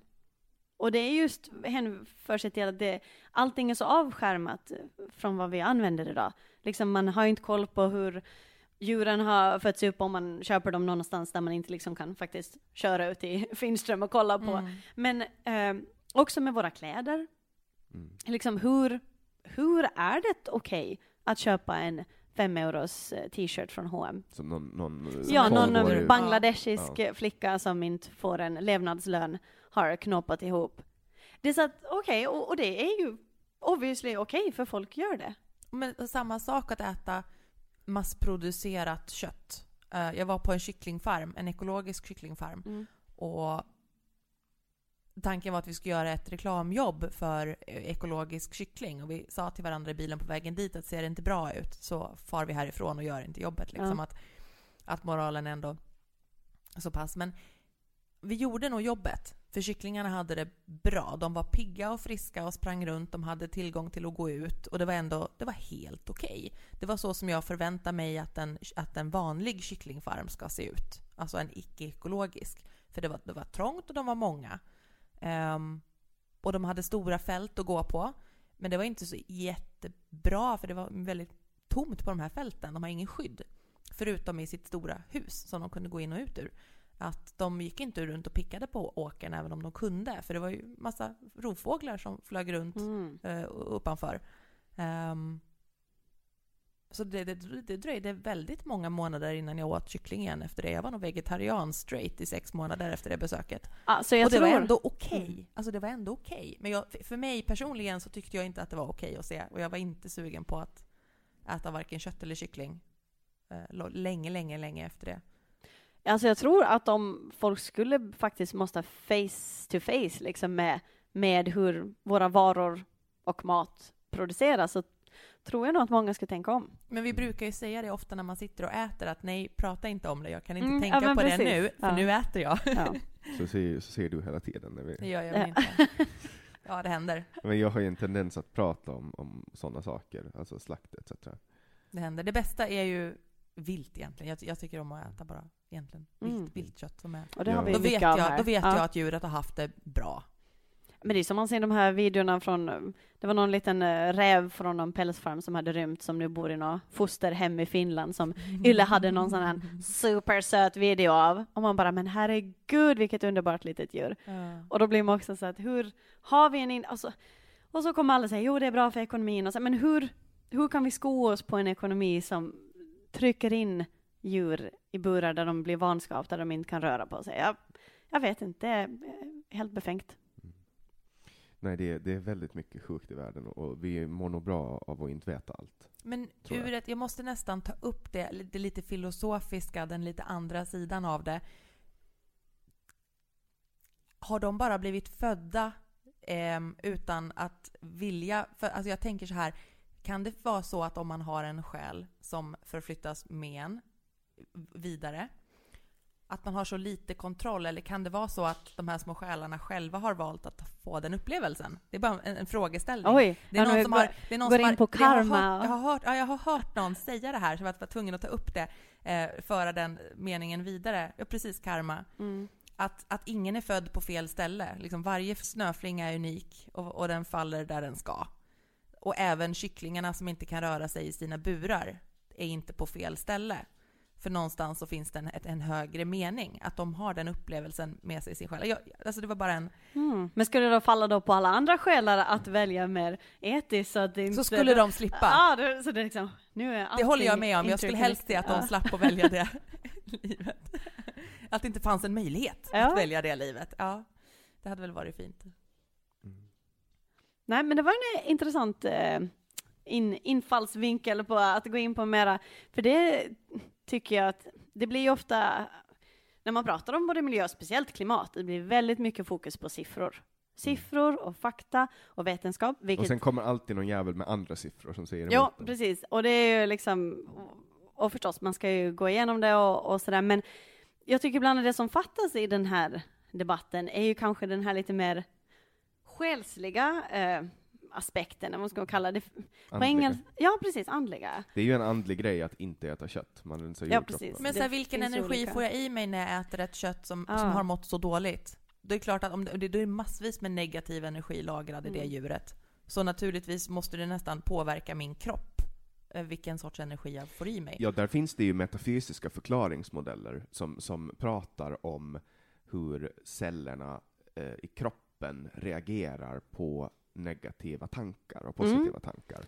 Och, och där finns det ju också kanske någon förklaring i, för att det finns ju väldigt många saker som inte vi kan förklara. Man Mm. kan ju se på köttet i sig själv, typ griskött eh, som exempel, så kan man se om grisen har varit stressad eller inte. Mm. Jo, för det sänds, sänds ju ut någonting, hormoner i köttet. Ja, så det ändrar strukturen liksom rent fysiskt. Mm. Grisens egen upplevelse, liksom, stressen påverkar så mycket. Eh, Så smak och allting. Mm. Jo, det finns ju många olika typer av veganer. Man kan vara det av klimatskäl, man kan vara det av eh, djuretiska skäl och sen finns det de här som är av energiskäl, alltså att de inte vill sätta i sin kropp någonting som Ja, har fel Precis. Och, energi. häl- och hälsoskäl också. Ja, hälso, precis, hälso, hälsoskäl. Alltså, för jag, jag, jag tänker så att det bästa för ekonomin, och det här läste jag faktiskt på, på Rosenqvists Instagram, han hade varit och fiska. Och så, spara, äh, och så skrev han att det här är ett bra sätt att spara pengar, och då började jag tänka efter, så här, när man går och köper fisk i affären, det kostar ju väldigt mycket pengar. Mm. Och tänk liksom, man, man cyklar ner till Möckelbron och så drar man upp någon abborre och steker den. Då har man ju sparat massa pengar. Men det, måste man ha fiskekort för det? Ingen aning. Jag tror att det beror på vilken sida man står på.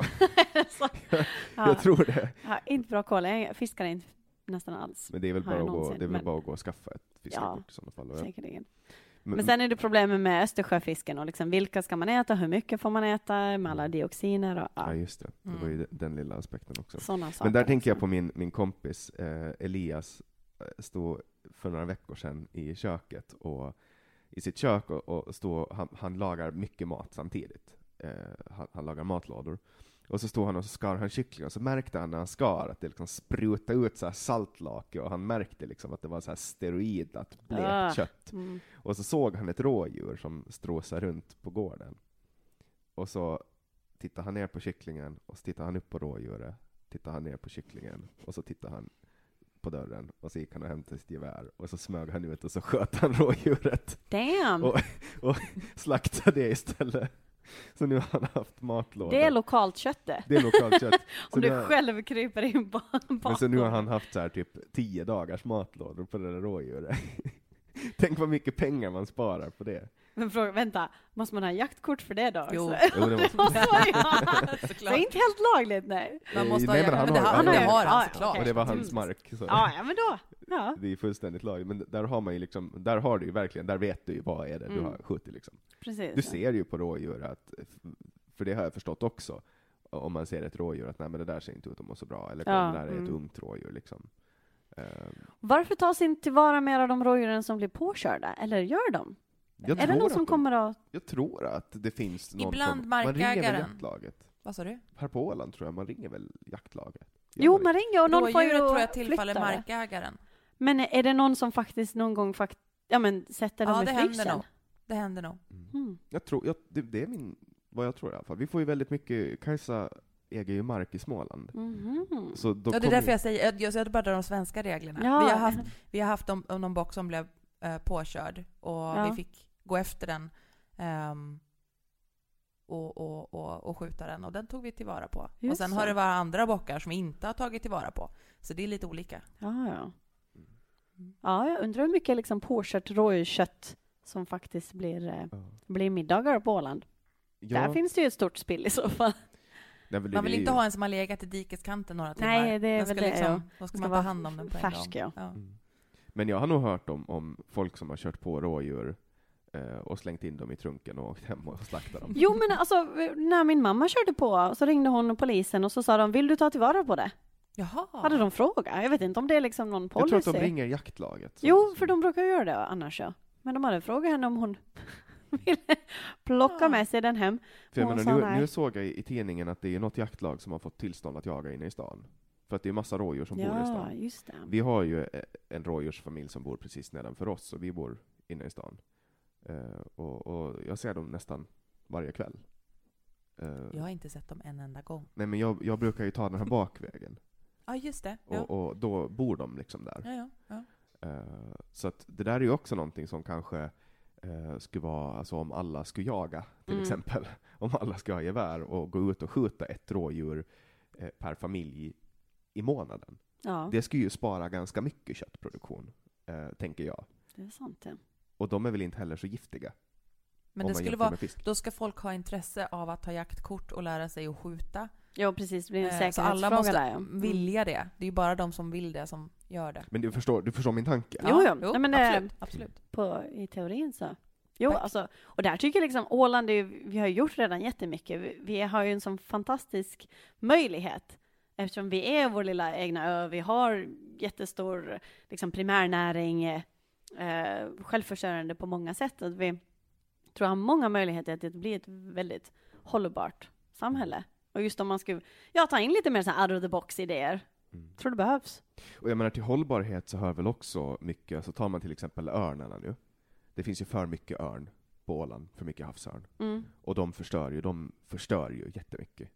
Eh, och det är samma med säl, det finns för mycket säl. Och, och man får inte jaga dem. På grund av att EU har satt regler som säger att man får inte jaga säl och man får inte jaga För att de rådjur. var skyddade. De Ja. var ju skydd, Mm. Både sjöörnen och sälen var ju utrotningshotade. Och så Jo. skyddar man dem och sen tar det bara för lång tid innan reglerna ändras. Så att man, man måste ju anpassa ganska snabbt reglerna efter hur beståndet ser ut. Men eftersom att det sitter i EU och det ska bestämmas borta i Bryssel så tar det sån tid innan de nya reglerna kommer. Mm. För det här är väl också en hållbarhetsfråga? Tänker jag, för att de, de rubbar ju hela balansen. Ekobalans. Ja. Ja, kring, alltså, ja, där blir det ja, när ska, mäns, när ska människan liksom intervene?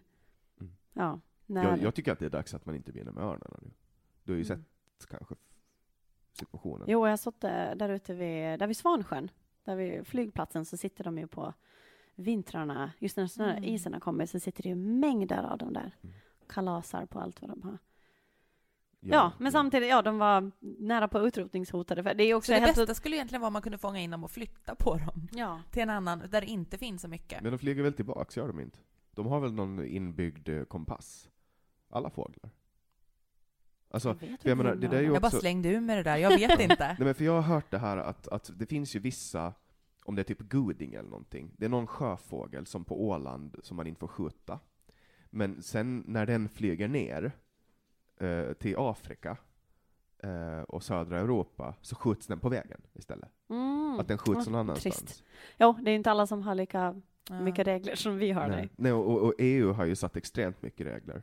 Och där är ju till exempel plastförbud ett, en ny regel. Mm. Hur ställer du dig till det? Engångsplast? Jo, engångsplaster. Det tycker jag är en annan sak än plastpåsar. Mm. Eh, för plastpåsarna som vi sa just, att de återanvänds ju ofta till, till soppåsar och, och, och är hållbara och sådär. Men allt det här, ja, varför ska allting vara inpackat dels i tusen lager av plast? Ja. Det här omfattas ju inte av plastdirektiv, det är ju mest sugrör och, och sådana saker. Men det är också så att varför, ja, det är så mycket så här onödiga små grejer. Varför måste vi ha massa sugrör och allt möjligt? Ja, man har ju fått någon hygienhysteri. Ja, det också. Ja. Jag läste en, en, en reportagebok eh, för något år sedan, två, tre år sedan, som heter Döden i grytan. Och den Är det Mats-Erik Nilsson? Jag, Han skrev ju massa av de här, eh, alltså, han är en grävande journalist som har skrivit Eh, mycket ja. om matindustrin. jag tror, jag ska kolla. Döden i grytan är en italiensk restaurang i Vasastan. Jaha.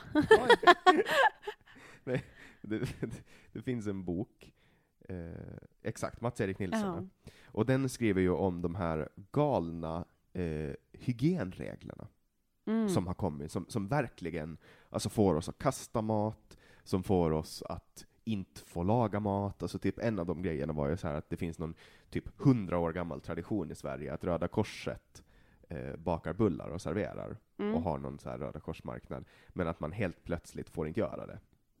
För just det, för alla, de måste ha alla möjliga tillstånd. hygienpass och Mm. tillstånd. Och att man får göra det om man ger bort bullarna. Men man får inte Mm. göra det om man tar betalt för bullarna. Och sen var det också mycket kring det här storföretaget Sodexo som, som utarmar maten genom att laga den i ett centralkök och stoppa in den i någon jävla ångmaskin och så truckar man ut den över halva Sverige och så ska den ätas av någon pensionär som inte får i sig all näring för att man har ångat bort all näring och sånt.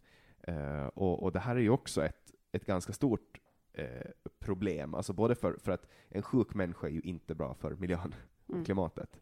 Eh, människor i allmänhet är ju inte bra för miljön Nej. Så att- drar det.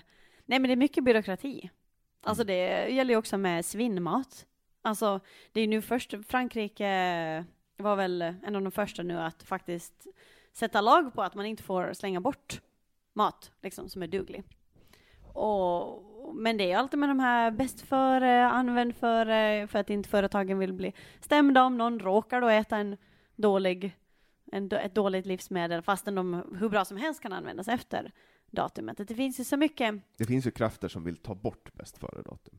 jo, Just för att, att man ska använda sitt luktsinne. ja precis. mera. Men det är folk svårt har när man går i affären och allting är inplastat. Ja, det också. Men folk har också, hur vet jag? Nej, men förr i tiden så då kände man eh, vad som var, Mm. ja men liksom min mamma kan lukta på mjölk och jag säger, ah, nej den här går nog att använda och så lägger hon det till plättar. Mm. Och, och jag skulle kanske vara såhär, men herregud, datumet, det är ju fyra dagar. Så att vi kanske inte heller har lärt oss att lita på våra sinnen. Vi har, vi har blivit hygieniserade. Ja. Det ska vara inplastat, det ska, man vet att nej men det här, de har lovat att det här ska vara bra tills. Vi har liksom ko- kopplat bort det.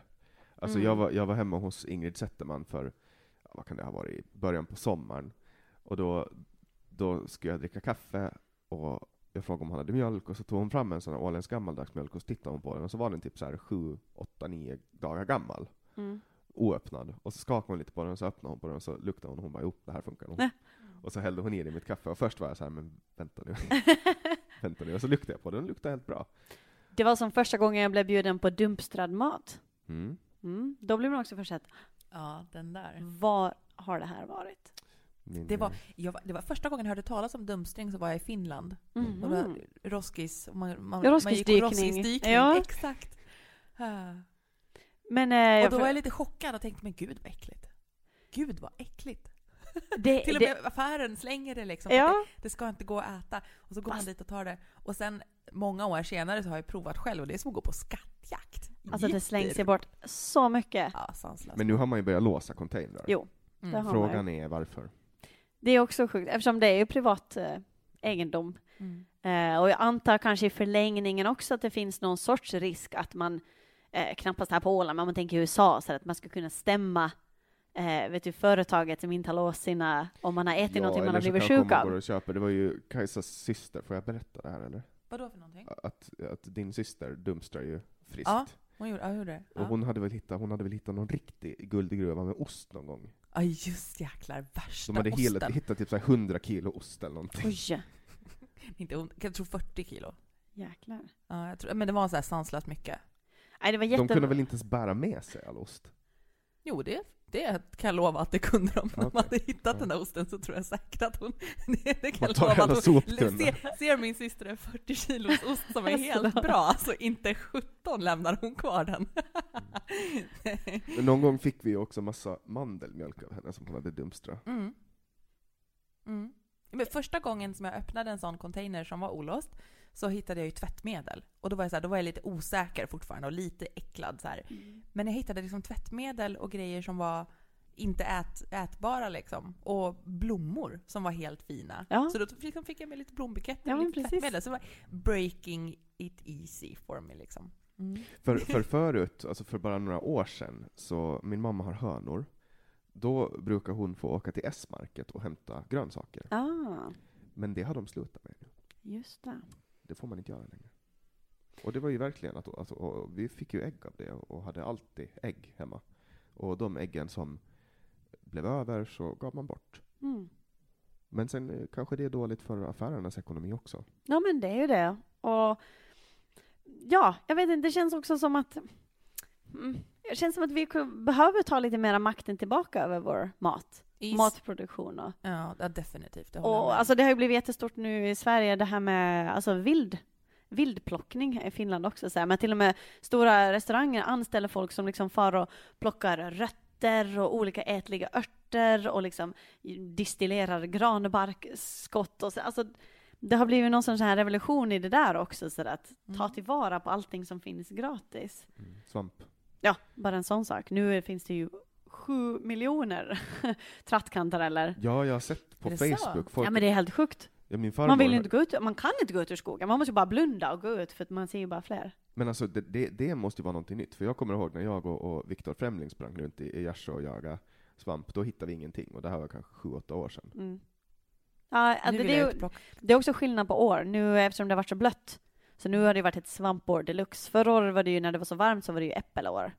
Ja, Men tänk att inte vi har varit en enda gång. Ja. Ni hinner, jag tror säsongen är ännu hela november ut. Tror du det? Ja, Ja, kanske, Det vi ska, borde vara. kanske vi ska dra på oss några gamla stövlar och springa ut. och Mm, jag känner för det. ja. För, för att det har ju varit mycket med valet också, så att man har ju kanske inte hunnit tänka så mycket på svampskogen. Nej, men där är det också så att om man ska börja prata om hållbarhet, så här, hur mycket, vad är hållbart, hur mycket ska vi arbeta, hur mycket ska vi ha fritid? För det blir ju också att om man arbetar jättemycket, har väldigt stressigt, man hinner inte fara till svampskogen, man hinner inte laga mat från scratch, man hinner inte kanske göra de här medvetna bra valen. Då blir det att man tar det som är snabbt och effektivt. Ja, så det, det finns sådana aspekter också Mm. i, i hållbarhet. Absolut, de är ganska stora Mm. faktiskt, de aspekterna. Ja, På tal om att folk menar, har, har tillräckligt med fritid, att må bra. Liksom man pratar om en sån här spiritual deficit, alltså just en, eh, en andlig brist. ja, en andlig brist. Liksom. Att det är det också som har orsakat att vi har ett så ohållbart samhälle. För att alltså, ensamheten breder ut sig, psykisk ohälsa, man har inte de här kollektivtankarna. Alltså, förr så hade man här, man bodde på en gata eller i en bykärna och så där man delade med sig av grejer, man ja, men hjälptes åt med sysslor, Mm. vakta varandras barn. Exakt, alltså man bodde tillsammans Ja. i flera generationer. Lite mer det här kollektivtänkande. Mm. Och där är ju, jag tror ju eh, att mycket av de eh, problem vi har i samhället idag går att spåra till just att man har sära på familjer. Mm. Ehm, för att där har man liksom, det är ju byggt på ett sätt där, där, där det är meningen att eh, vi är ju flockdjur. Och, och vi, bor, vi ska bo tillsammans, vi ska ha liksom, de äldre ska ta hand om barnen, så har det varit i alla fall. Mm. De äldre har tagit hand om barnen, skött lättare hushållssysslor, varit till och hjälpt till att laga mat, och medan föräldrarna har varit ute och, och förvärvsarbetat. Och, och, och sen när de äldre har blivit gamla så har barnen tagit hand om dem. Och sen, alltså, det har liksom funnits, nu, är det, nu, liksom, nu särar man på alla. Man åker på jobbet, lämnar barnen på en plats, Mm. lämnar mamma på en plats, eh, och sen åker man och hälsar på mamma. Och allt har ju blivit lite institutionaliserat. Ja, liksom. Och så har man bara en timme och så hinner man liksom inte börja umgås med någon. Nej, Man ska nej. bara berätta vad som hände sist. Det är ju Mm. alltid det, det är ju nästan det man gör när man träffar kompisar. Man berättar vad har hänt sen sist vi Mm. pratade. Ofta så vet man det för man har sett vad de gör på Instagram och Ja, Facebook. så man har inte ens någonting att berätta. Mm. Nej. Men jag tror att mycket, mycket av olyckan i samhället går att hänröra från det faktum att vi har lämnat all tro bakom oss. Och jag Mm. menar, jag menar inte religiös tro, jag menar tron om ett bättre liv. Ja, alltså det, det, det saknas någonting, en sån grundläggande, du vet jag, säkerhet, trygghet. Mm. Och, och det inte känner man ju sig trygg om man känner att man är ensam heller. Mm. Jag tror att förr också, även om man inte liksom var bästa kompis med sin granne, så då man kände, alltså man visste vem det var, man, man kände att tröskeln var inte så hög kanske att gå och be om hjälp. Men nu bor ju folk i höghus utan att ens veta vem som är Och bara en sån här sak att man, man, jag vår, när jag kommer hem till mina kompisar så skriver jag på Facebook Mm, utanför innan dörren. ja, man, man får ju aldrig hem till någon bara Nej men också så här, jag knackar inte utan jag skriver Ja. när jag är utanför. Just det. Och det är så här, någon gång jag var för, förra veckan eller någonting var jag knackade på hos min kusin. Mm. Och då var det också så här, då kändes det också så jävla awkward att knacka på hos någon. Man bara, vänta nu håller jag på att intruda. Och jag öppnar inte dörren om folk knackar. För att det är så här, Bara princip. this is my space. Don't Ja, come nej. here, liksom utan att jag har bestämt det. Så här, kom inte hit. Ja, Eh, nej, det är en oroväckande utveckling. Och folk ringer ju inte mer. Det där, så Mm. där har, det måste jag vara ganska unik, eller inte unik, men ovanlig så. Jag växte ju upp med mormor väldigt mycket närvarande i huset. Och vi var ute och plockade väldigt mycket, alltså vi fruktade och saftade och syltade. Nu är min, ma- min mamma är ingen kokmamma överhuvudtaget. Men, men, men vi gjorde mycket sånt, plocka hasselnötter, plocka svamp. Eh, grannen var den som kom och, och hämtade upp en när man flyger av ponnyn. Så såg han liksom när ponnyn sprang hem så tog han hand om att man kom hem. och Kollade att inga ben var brutna. Eh, och, och mormor bor fortfarande hemma gammal och, och Mm. hemma hos oss. Och det är ju jätteskönt. Så jag känner mig bara, just, precis just nu vi pratar om det så känner jag så här, fan, fan vad bra jag har haft Ja det. men visst, alltså, det måste ju vara fantastiskt. Ja, Ja, när, jag var, när jag var liten kollade jag på TV3, spelade Playstation 1 och såg det som ett straff att måste åka ut till mormor i Finström. Mm. ja. Alltså, vi hade det- inte TV3, inga Nej. Plays, nej. Men det, också, det finns så mycket underhållning idag också, att man tvingas inte heller ens ja, tänka efter om saker, eller ja, kvalitetstid. Det finns alltid någonting enklare, lättare att göra på något vis. mm. Mm. Jag vet inte. Och sen har vi också, det finns ju många olika klimat, eh, men ett uttalat mål med den här podden är ju att försöka stävja det dåliga debattklimatet. Mm. Eh, vad är din take på det här extremt sura klimatet som är när det kommer till människors interaktion mellan varandra, speciellt på internet? Ja, men det är väl just det här lite som vi pratar om etik och moral också när det kommer till konsumtion. Man tvingas inte stå ansikte mot ansikte. Det är ju väldigt få saker man skulle säga om man faktiskt liksom träffar den här människan som man då kanske tycker att ja, men det kan jag väl skriva hit. Så att det blir väldigt anonymt. Det blir igen det där, ett väldigt eh, ja, luddigt. Mm. Jag tror det är det som är ett av de problemen. Har du märkt att det är värre nu än vad det har varit tidigare? Ja, jag tycker det har blivit mer tillspetsat, de här, alltså mycket mera ilska. Och det känns som att det är liksom globalt fenomen. Mycket, det är liksom det ilska som driver val.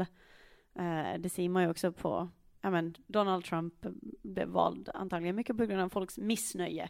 Liksom det finns en, något pyrande, ja, mm, ja, irritation och sånt. Och, och det märker man ju också liksom i, i tidningsvärlden. Så där. Det var ju nog mycket värre när jag var på Expressen. Då, det var ju helt sjukt alltså vad folk kunde drista sig till att mejla eller till och med ringa liksom, och säga att man var... Ja, där var det. Där, det är ju liksom, man bara, va? Jag skrev en artikel om, ja, men om ett äh, åldringshem och så ja, kanske man har gjort ett stavfel och då vet du, kan någon ringa och säga att herregud, din liksom inkompetenta idiot. Och man bara, va, vad har hänt dig idag för att du ska känna att det här var en liksom appropriate reaktion? Jag tror stress och rädsla ligger Mm. bakom väldigt mycket av de här Ja. ilska, utåtagerande eh, grejerna. Stress och rädsla tror jag är två Mm, Precis, stora jag tror faktorer. rädsla ligger under mycket hat. Absolut, nästan Ja, allt. men jag skulle säga allt. allt. Ja. Mm. Eh, men, men även stressen. Alltså Mm. att folk är stressade idag. Jag och då har blir ju man rädd.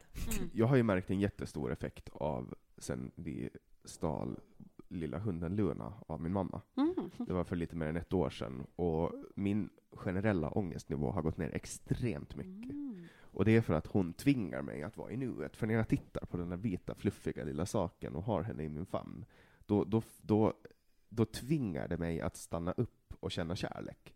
Det spelar Mm. ingen roll hur dålig min dag är. När jag, när jag sitter med henne så blir allting bra för en liten stund. Och jag tror att de korta glimtarna ger mig en andlig återhämtning.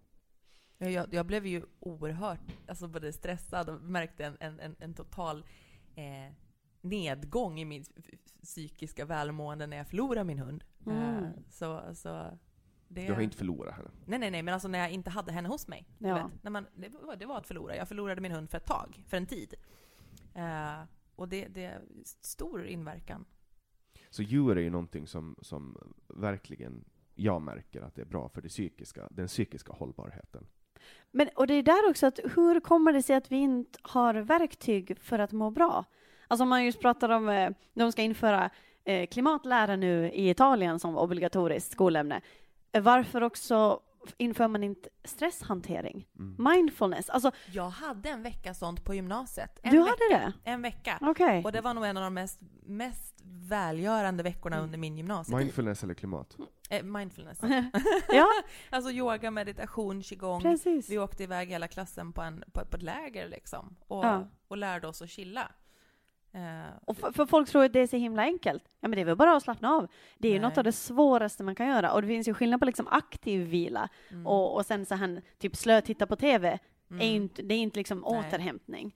Eh, men att just hitta någonting som faktiskt funkar. Och det är ju där är också så, varför lär vi oss inte sånt just från tidig ålder så att man faktiskt ska komma ut i vuxenlivet och känna att man kan hantera all den här stress och den här bombardemanget av information som vi utsätts för hela tiden. Och... Mm. Vi hade en lärare i femman som, som uh, var så här att vi börjar inte lektionen förrän man kan höra en knappnål falla. Mm. Och så Mm. tog hon en knappnål och så släppte hon den. Och om inte alla hörde den så började vi inte lektionen.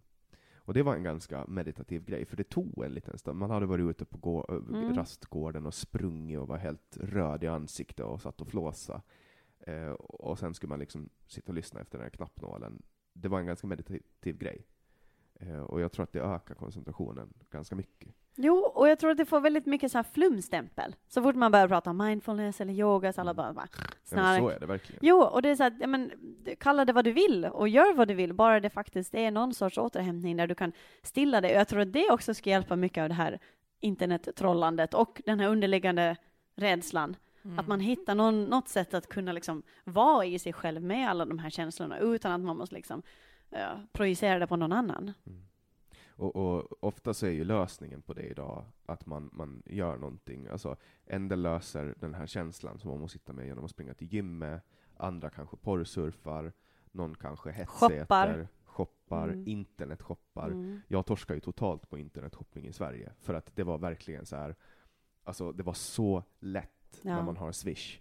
Alltså, du går in på en hemsida, du får upp en annons från typ gymgrossisten, och så här, oj, de där handskarna vill jag ha. Mm. Och så klickar man på annonsen, och så kommer man direkt så bara poff, kastas man in till så här köp nu. Och så trycker man på köp nu, och så står det skriv in ditt personnummer, så skriver man in sitt personnummer, och sen bara ta upp din telefon och verifiera med Mm. mobilt bank-id. Och så bara verifiera med mobilt bank-id, och då har Klarna fyllt i alla uppgifter och allting. Och så bara står det gratis frakt. Och dagen efter så får man ett sms på väg hem från jobbet, nu finns ditt paket att hämta. Ja, och så svänger för, man in via någon tobaksshop. på tal om att det är för enkelt, ja. Att, eh, Men då är det så här, jag har liksom, Mm. man, man, man liksom valsas igenom hela den här processen, köpprocessen. Man bara ser, fattar sitt köpbeslut och sen bara, när jag, får, när jag har det här paketet i handen Mm. på väg hem, och när jag öppnar det hemma och bara känner lukten från nypaket, alltså det, det är löjligt. Men det var en sån, alltså jag hade extremt, det var riktigt jobbigt. ja. Eller hur Kajsa? Ja, För dig när, när också. pengarna, jag har vaknat mitt i natten av att jag själv du vet, utbrister nej, köp den inte! Så jag väcker mig själv att jag pratar i sömnen. Och det var det jag sa. Till mig alltså. Eh, Nej, köp den inte! Nej men jag har ju också, jag har också, Så ja, det är stressande. Mm. jag har ju också köpt saker på nätterna. Eh, Ah. Typ på e-handlare. Jag köpte ju Inte i sömnen hoppas jag. Nej, nej, inte som den, men, men det är eh, lite jobbigt. jag steg upp klockan två en natt för, för ett år sedan och så beställde jag typ, jag tror det var sex eller sju stycken långkokare. Alltså så här slow cookers. Varför, varför så många? Vi skulle ge bort dem i julklapp. Ja, och, och det var hade, en bra grej. det var en bra grej, men jag Mm. fick upp en annons precis före jag skulle somna. Aha. Att de kostade, vad kostade de? var så löjligt. 200 spänn. Var det två, jag tror att det var 100 Det spänn. var 200 spänn. Jag tror Och vi köpte Oj. fem stycken. Oj. Jag åkte och hämtade dem, så Ja. jag vet. men, men då, och då var det så här och jag kunde liksom inte sluta tänka på det. Så jag gick upp och så beställde Ja. dem, och så hade vi med en massa slow cookers hit. Nej, men alltså, hade jag, en massa julklappar till alla. Det Ja, var men det- jättebra. alltså jag känner så igen det där, och det tror jag är en väldigt, så- det är ju det här hamsterbeteendet. Ja. Alltså, tror det finns den här mänskliga driften liksom att samla hårda, Hårda. grejer. Ja, Mm. och jag har ju absolut det där eh, med, jag kan ju inte gå in på loppisar. Alltså för jag Ja, hittar ju allt. Ja men, var. jag, ja men det går ju inte, och det var ju fruktansvärt. Eh, nu har jag jobbat liksom på båda sidor av torget, och, och Emma ligger just där. Nej men jag kan ju inte gå in, för jag hittar alltid någonting. Du, var väl, du hade väl lite farligt. problem med loppisar förut Jo, jo jag hade det. jag blev tvungen att ta lite paus. Men säljer du tillbaks det, eller ger du tillbaks det? Jag brukar oftast ge tillbaks, eller ja, jag ser det som så här, men det är en sorts så här välgörenhet. Ja. Deras, Det, eh, det jag går köpte en ju, jävla gjutjärnsgiraff och bara vad fan ska jag med den här till? ryms ju inte ens in i ugnen. Ja. Ja, nej, så det, det, men det har jag märkt att jag fått lite utlopp för den här hamstringsgenen, eh, att, alltså när det är blåbärssäsong, Mm. så blir jag, alltså jag blir helt, helt knäpp. Jag, jag är ute varje ledig timme i blåbärsskogen och bara så här, och det är så tillfredsställande och jag känner att de perioder, då har jag inte så mycket behov att gå in på loppisar. För att jag liksom, jag stillar det där och, och jag känner att det finns ju sätt då att göra det kanske mer hälsosamt, att just få ut och plocka eller just sylta och safta och, Mm. och faktiskt både leva sparsamt och miljövänligt och, Vi hade ju en, en gång, eh, jag och Kajsa, kanske två år sedan, så skulle vi plocka kantareller. Och så hittade vi kantareller. Vi har en stuga, och det är privat område, och det är inte så jättemycket människor som rör sig där, men vi hittar kantareller liksom på Precis på vår, stigen ja, vi hade på parkerat bilen. Och vi Precis bara- vid stugknuten. Vi går in med grejerna till stugan, och det var kanske så här 700 meter genom skogen. Om ens det. Ja. Jag skulle säga 300. ja, Mm. kanske 300 meter genom skogen, och sen tillbaka så var vi in, la ner våra grejer, och så letade vi upp någonting som vi skulle ha kantarellerna i, bytte kläder, satt på stövlar. Nej, jag, vände, jag, tog, jag bytte inte ens kläder, jag vände direkt. Jag släppte väskorna och jag vände och gick det raka vägen tillbaka till kantarellerna, som inte längre var kvar. Någon Nej. hade börjat tag i dem, så någon hade hört våra glada Bilen kantarellutrop Ja. i Nej. skogen och smugit dit och tagit våra Nej men kantareller. gud vad fult. Verkligen. Till och med bebiskantarellerna, du vet, de här Oj. pyttesmå hade de inte lämnat kvar, att de kunde få växa till sig. De bara skalat. Men sen plockade vi blåbär så vi hade fästingar upp till öronen. Ja Mm. just Jo det är det som är problematiskt. Mm. När man ska Helt plocka. plötsligt ligger man med TBE, hjärnhinneinflammation och bara för att Ja. Var det värt det att ha frysen full? Ja. Jo det var det. Ja, men för, för kantareller, det är ju också, alltså det är ju guld liksom. mm. Ja det är ju Det är verkligen guld. Om man Men- torkar dem så får man ett... Om man torkar dem så kan, vi brukar jag kunna krossa, krossa de här torkade kantarellerna Åh. sen och släppa ner pulvret i grytor. Ja. Det blir jättebra så här för att göra det lite tjockare Ja. och de suger åt sig vätska och sen så blir det också liksom kantarellsmaken. Smak ja. Den är ju gudomlig. Ja. Men det finns ju så mycket. Jag fick en bok av min eh, kollega till julklapp och som är så här vildplockat. Alltså nässelpesto har jag upptäckt först i år. Alltså brännässlor. Ja, Ah, att plocka de här första nässelskotten. Smart. Eh, och man kan använda det liksom istället för basilika. Det är ju jättegott. Jättesmart. Ja, Men det, jag det finns så mycket som man inte ens vet om. Min, far, min farmor har ett- växthus, en kolonilott. Och hon odlar så mycket grönsaker så att hon, hon försöker ge bort dem hela tiden. Mm. Och det är också Lyxproblem. här- Ja, exakt. Jag, Mm. jag har ju som sagt en, en ganska svår relation när det kommer till grönsaker. I och med att jag inte kan äta dem. Men Kajsa tycker att det är fantastiskt. Mm. eh, Att få ta del av, av det som hon har odlat själv. Mm. Eh, Och det är ju alltid mycket mindre än konventionellt odlat, men mycket godare. Mm. Man märker nog smaken på sina egenodlade. Inte för att jag, har- jag har inte jättegröna fingrar, men det, det ska bli mitt nästa projekt. Jag tror ju verkligen på det här med växthusrobotar. Mhm. Alltså, har du sett de här filmerna på Youtube? Nej, det har jag nog helt missat. Det är ju skithäftigt. Det är så här, du har, du har ett växthus hemma, typ inomhus, eh, och så är det som jord. Och så är det två, så är det en, en ram ovanför, och så är det en robot som kan åka runt där. Och den liksom ger, åker runt och så ger den UV-ljus åt allting, Mhm. och den vattnar allting, och den eh, skördar och sår och gör allting själv. Så det enda du gör är typ bestämmer, du matar in frön i olika eh, så här, förpackningar och sen bestämmer du så här, ja men jag vill ha, ja nu vill jag ha den här eh, växten liksom. Och så odlar den allting åt dig och, och, och fixar. Jag tror att det är framtiden. Gud, alltså ja visst, det, det låter praktiskt, men där, där kommer min den här farmodern i mig som är bara såhär, nej jag vill ju påta själv. Men jag förstår att det, liksom, det är ett effektivt När man eh, inte sätt. hinner påta Ja, själv. precis. Tillbaka till det här, man är stressad och man hinner inte. Det är väl det. men Men, varför är alla- man stressad och varför hinner... Ja men precis. Men tänk om alla skulle ha en sån hemma. Vad mycket man ska avlasta.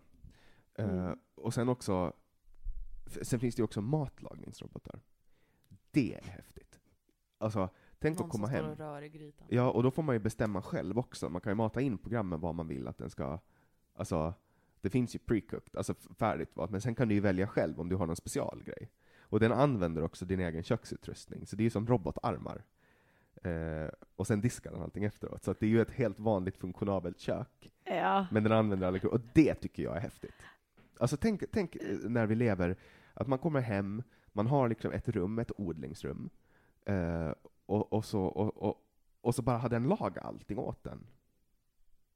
Du, nu säger Det du är extremt tveksam alltså, ut. Du bara, Nej, jag är, inte, jag är inte såld på den här eh, visionen. Ja, men, eh, Men vad, inte, inte det det vi ska göra, vi ska gå runt och njuta och ha det bra. jo, men det är ju en njutning i sig också, att laga Men för mat. vissa, jag tror ja. återigen, vi är olika. Mm, det Nej, men är att, sant. att ja. välja lagande, för att jag, jag är så här, om jag ska laga mat, jag har ju aldrig varit intresserad av matlagning. Mm. Och jag tycker inte att det är roligt att laga mat, jag tycker bara att det är en plåga och en börda. För att jag, det enda jag tänker på är att jag skulle kunna producera så mycket mer om jag gjorde någonting annat. Eller Mm. jag skulle ha så mycket roligare om jag gjorde någonting annat. Men sen finns det ju de som tycker om att laga mat. Du tycker väl om att laga mat? Men kanske? skulle det inte vara bättre då att byta tjänster till exempel med någon som tycker, till exempel om du har en granne som älskar att laga mat, som hellre skulle vilja göra det än att sitta på ett kontor. Så då skulle du kunna liksom, de pengar du ska sätta på roboten så ger du till den där grannen som... Ja, men då kommer ju, sen kommer ju staten och bara ja Hur ska det är vi beskatta som, det här? Ja men det där blir faktiskt problematiskt. Ja. Vi måste ju också hitta sätt att hur vi ska kunna leva ett, ja skapa ett sådant samhälle där man inte blir bestraffad av att dela tjänster eller varor och sånt. Nej men det, så är det ju idag. Mm. Det klassas ju nästan lite som, det är ju svarta affärer Ja, att hålla på på det sättet. Så varför blev det så att du jobbar som journalist? Vad fick dig att bli journalist? Oj, eh, det är nog bara det jag alltid ville göra. Jag tror jag var 13 när jag helt och fullt bestämde mig för att ska bli journalist. Och så bidde det. Jag har inte tröttnat ännu i alla fall. Vad är det roliga med att vara journalist? Då? Ja, men att man får träffa så mycket folk och man får eh, vara med om nya saker, man får lära sig nya saker. Liksom, varje dag jag kommer, jobb, kommer på jobb så har jag en lista. Och det kan ju vara så att jag ska sätta mig in i aktiesparande, jag ska sätta mig in i hur man eh, plöjer en åker. Liksom, det kan vara, det är väldigt högt, eh, högt och lågt. Jag skulle svara exakt samma sak på den Mm. frågan. Det är alltid spännande. Man vet liksom Ja men det är det! Ja men det är jättekul. Och när man har tömt hela sin lista och vet att nu får man en helt Ja. ny. Åh, det är ju så tillfredsställande. Och jag är också en sån person som gillar att ha just det där att jag kommer på jobb och det är, en, det är faktiskt en lista. Så att bocka av. Jag är inte en sån som tycker om långa projekt. Jag är en sån här att jag vill göra det snabbt och liksom, ja.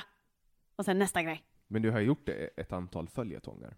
Jo, jo, det, jag har fått lite, jag tänkte säga, eh, ökennamn på redaktionen att jag är följetongshej typ. Jag, jag har en lite fäbless för sådana, ja. Där, men det är ju liksom, då är det liksom korta segment som bildar en helhet. Men det är inte så att jag måste göra ett så här långt projekt som sträcker sig över ett halvår. Men, men jo, jag tyckte det var jätteintressant. Man blir ju bättre och bättre på det hela tiden. Jo, jo, det är verkligen en konst med det också, hur man ska. Jag och Kajsa gjorde ju en, en mastodontföljetong en gång. Vi gjorde 24 eh, personporträtt om egenföretagare. Oj. Och till sist när vi var inne på så här 18, 19, då Mm. visste jag vad de skulle svara. Ja. Jag gjorde en gång eh, Lucia-intervjuer när jag jobbade på Ålandstidningen. Och då, eh, liksom, det var ju verkligen, man måste verkligen gräva på djupet. För, alltså, för det är ändå tio tjejer som alla gillar att dansa, sjunga. Det är, så här, det, är- det är väldigt mycket liknande saker som kom som svar. Och då var det, jag såg det som en utmaning, att liksom, så här, hitta vad är kärnan i dig? Mm. Ja, jag, ska inte, jag ska inte uttala mig alls om årets Lucia-intervjuer, men, men jag, jag, jag hade faktiskt, jag tyckte faktiskt att det var lite roligt vid ett tillfälle när, när det kom en, en Lucia-intervju, för att de är ju som du säger, alltså man ska liksom gräva i en, det är ju det är ofta ganska unga tjejer, de är ju 17-18, Mm. och, och ofta så, så är man ju, eller är man, ofta så är ju tjejer i den åldern ganska så här, ganska försiktiga. Mm. Alltså, lite försiktiga och kanske inte vill gå så jättemycket djupt in, alltså i rädsla, kanske rädsla för att bli exponerad eller någonting sånt. Eh, och då får den som intervjuar kanske gör, alltså försöka dra ut lite sådana detaljer, och ibland så när man gör, eller när sidverkstan ska jobba, då försöker ju de lyfta substansen liksom. Och så ska de lägga någon Mm. rubrik. Och så blir det liksom något vinklat på någonting. Ja, och så blir det kanske, kanske inte det reporten tänkte sig. Nej. Och kanske inte världens mest läsbara rubrik, alltså världens mest attraktiva rubrik. Eh, och det tänker jag ofta på de här, eh, för att mycket handlar ju när man jobbar som journalist på Åland, det är ju att fylla tidningen. Det ska ju finnas innehåll, det ska ju finnas saker att läsa. Och då får man ju, hamnar man ju ibland på att göra något eh, reportage som kanske inte är så intressant när man väl kommer dit. Alltså, där ska jag säga, eh, under sommartorkan, då är det ju den problematiken. Men jag tycker resten av året så har vi nog snarare på nyan det problemet, vi har för mycket material, så vi försöker, vi packar tidningen. Men det är ju just sådär, när det är de här juli månader när det händer ingenting politiskt, och det säger hopp, Mm. vad ska vi ut på idag då? Ja, Jag har, jag har ju jobbat mest under sommaren. Mm, det är verkligen, Och, och, men det är ju samtidigt så är det ju otroligt roligt att få det svängrummet. Jo, det är ju då man får just ha sen, ja men få lite utrymme för att göra x antal följetongar, liknande. Men sen, sen eh, jag tycker att det, det roliga med, alltså det är ju en speciell livsstil, jo- journalistik. Och det har väl alltid attraherat speciella människor. Mm. För att folk är väl inte riktigt normala som jobbar på tidningar. Eller? Vem är normal? Vad är normal? Ja, precis. Nej, men alltså om man tar till exempel ett, men vi tar en valfri avdelning på landskapsregeringen och, och, och så ställer man dem bredvid en tidningsredaktion så kommer ju e- ena, eh, ena gruppen kommer att vara mer högljudd än den andra om man säger så. Ja, men sen eh, ställer du dem bredvid kanske ja, ett, en grupp med skådespelare, alltså journalisterna, så Mm. då kanske de hamnar i, i skuggan av... Men väldigt många journalister är ju också skådespelare. Ja, det är faktiskt här på Åland finns det en, eh, en ganska stor korrelation där. Det är ju ganska stort, det är ju därför man ofta får ta in skribenter Jo, utifrån. herregud, vi hade ju det problemet nu också. Ja, det, är- det är lite problematiskt, ja. Hitta någon som kan recensera Jo, teatern. någon som inte har... Men det är ju problemet på Åland överlag, liksom. Vi har ju också det problemet när vi ska skriva om folk. Bara, "Jaha, nej, det var din morbror. Nej, men eh, då får någon annan ta det då. Ja, Ja, ja det är mycket, mycket sånt så- som jag också har stött på, att man får jäva sig. Jo. Och sen Jäv- bara, nej men du kan inte jäva det idag, vi har ingen annan. Ja, ibland får det bara... Och då får man lägga till någon fotnot istället. Att, eh, Jo, skribenten är sysling, men... ja, exakt, men så var det ju ett tag, att man, att man, man skrev ju ut jäv. Ha. Jo, och det är ju bra. Alltså, Gör ni det fortfarande? mm, jag, alltså om det skulle vara en sån situation där man, eh, jag tror vill, vet inte riktigt var man lägger gränsen, men jag tror det är väl just morbror och farbror och sånt att man helst ska Men sen Inte. typ eh, aktieinnehav, har man inte behövt skriva ut det också? För jag har för mig, det kanske är någon feberfantasi jag har, att man har skrivit ut så här, skribenten äger bla bla bla aktier i bolag. Jo, jag är ganska säker på att, att vi har gjort det vid något skede, typ när Annika Orre eller, nu ska jag inte uttala mig för att jag, det här är sen som bara är mitt, men eh, jo, jag tror nog vi har gjort det. Och vi har nog diskussioner om så här mycket, liksom att vad, ja, var går gränsen och vad ska vi berätta om att, för det är just på en sån här liten ö, så är det väldigt svårt att inte på något vis vara kopplad Mm. till det man skriver om. Nu är ju du tredje personen från Nya Åland som är med i podden. Mm, Just det. Va, vad är det som gör att Nya Åland är så överrepresenterade i min podd, tror du? Hmm. Ni, är mer, ni är mer benägna att ställa upp på poddintervjuer? Men ja, det är, jag hade velat säga att vi sticker ut hakan mer, men, Ja. men det är kanske bara det att vi är sådär ja! vi är för, för positiva och entusiastiska till att vara med. Nej, men eh, jag vet inte, kanske vi har sådana personer som tycker om att uttala sig om, om saker och ting, eller som du lyssnat? är intresserad av att... eh, Ja, nej, men jag har nog ryckt i, i, i folk på Ålandstidningen. Daniel var ju med, Mm, men han fick jag bara i 45 minuter. Sen måste han göra annat. Sen har jag ryckt lite i Jonas Blad, men han är ju ständigt upptagen. mm. Fråga Henrik Herlin. Vem till har jag frågat? Ja, jag, jag ska nog rycka lite mera i dem, för att jag tycker att det är intressant att få med journalisters perspektiv just på grund av att man har det här breda. Man kan uttala sig om allt. Eller en Mm, journalist. Precis. Kanske du skulle ta olika, för all, det finns ju många andra som har olika vad ska man säga, ansvarsområden eller intresseområden. Så det kan ju också vara intressant just att plocka från olika, liksom en politisk reporter, en, ja vad finns det till nu, familjeredaktör och, Mm. mm. Ja, Johan Orre skriver väl mest politiskt och ser nu. Han är ledarskribent ja, och Ja, ja, Nyhetschef han, ja, ibland det. Okej. Vem är det som skriver, vem är det som bevakar politiken då? eh, just nu så är det uppdelat, eh, tror jag mellan år. Sen från eh, mars så blir det en som är, liksom, har det som sitt huvudansvar. Okej, så ni har en, det blir en Jonas Blad? Mm, det blir det. Han får en konkurrent. Ja. För nu vet man ju liksom vem man ska ringa om man, om man, eh, om man har något politiskt Mm. till, till Ålandstidningen, men inte riktigt mer.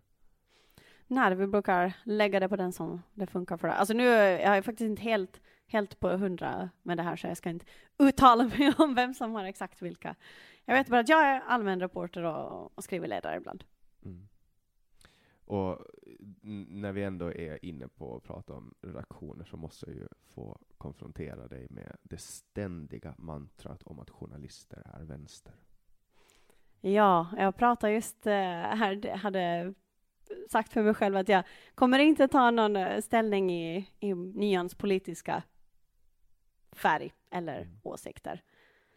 För man säger ju det, och även i Sverige så är det ju hela tiden att journalistkåren är vänster, för att det var någon undersökning som gjordes i början på Det gjordes i 2000-talet. Finland också, eh, där de hade frågat, och där var det, där var det ofta som man tror att journalisterna har en annan politisk eh, falang än den man själv har. Det känns alltid som att, men där var det också överrepresenterat, att många, de flesta trodde att, att journalister var, var sossar. Mm. och alltså, jag jag tycker att det är intressant hur det har blivit den grejen, för att Mm. alltså, det, det är ju omöjligt att som journalist vara objektiv. Alltså, för man är ju alltid subjektiv. Precis. Men jag undrar om det inte liksom har att göra med att på något vis på en... Alltså nu också, jag nu talar inte om nyan, utan rent om generellt det här att många tror att journalister är, ja, ja, har den, den politiska ideologin är väl kanske någonting med eh, värdegrunder då, att man liksom rapporterar mycket om det mänskliga, mycket om orättvisor, liksom man ska värna om de, liksom de små och utsatta i samhället, att det är kanske där någonstans att man gör den här kopplingen till, ja men då är de säkert sossar då, för de arbetar ju för, för sådana frågor väldigt liksom. För jag ser ju there. verkligen inte, om man kollar på Bonnier och Schibsted till exempel, två enorma mediebolag. De jobbar ju verkligen inte för, för de svaga och utsatta skull, de jobbar ju för sin egen skull. Mm. De vill ju ha pengar, liksom. de sitter ju i, i sina skrapor och räknar pengar. Liksom. De är ju storkapitalet. Alltså, de, Men då undrar vad folk skulle säga då, ja, vad tänker de att de har för ja, politisk inriktning? de, de är ju helt klart höger. De är toppen Mm. av näringskedjan. Men, men där igen alltså, ja, det blir alltid problematiskt överlag att prata politik och journalistik just för att det ska finnas den här objektiviteten. För du kan ju se, till exempel, på, på olika distrikt i Stockholm, så skiljer det ju sig extremt mycket hur man röstar.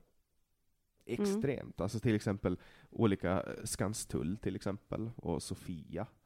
Där är det ju liksom, ex, där är Feministiskt initiativ jättestarka.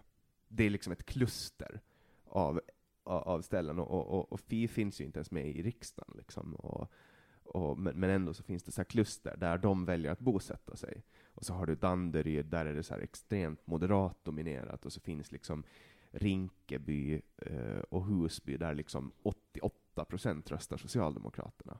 Att du kan ju verkligen se var folk röstar. Och, och jag vet inte om det har att göra med att det är omgivningen som får dem att rösta så, eller att det är att de röstar så som får dem att bosätta sig där. Mm. Att Nej, vad är så- orsak och vad är verkan? Ja. Exakt. Och kollar du till exempel på arbetare, så har ju väldigt klassiskt sett så har ju de röstat på Socialdemokraterna, men nu röstar ju de på Sverigedemokraterna istället. De har liksom eh, gjort ett, alltså sossarna har gjort ett jättestort tapp till Sverigedemokraterna. Eh, och LO, Också till eh, grön, gröna, ja. ja. Till miljö.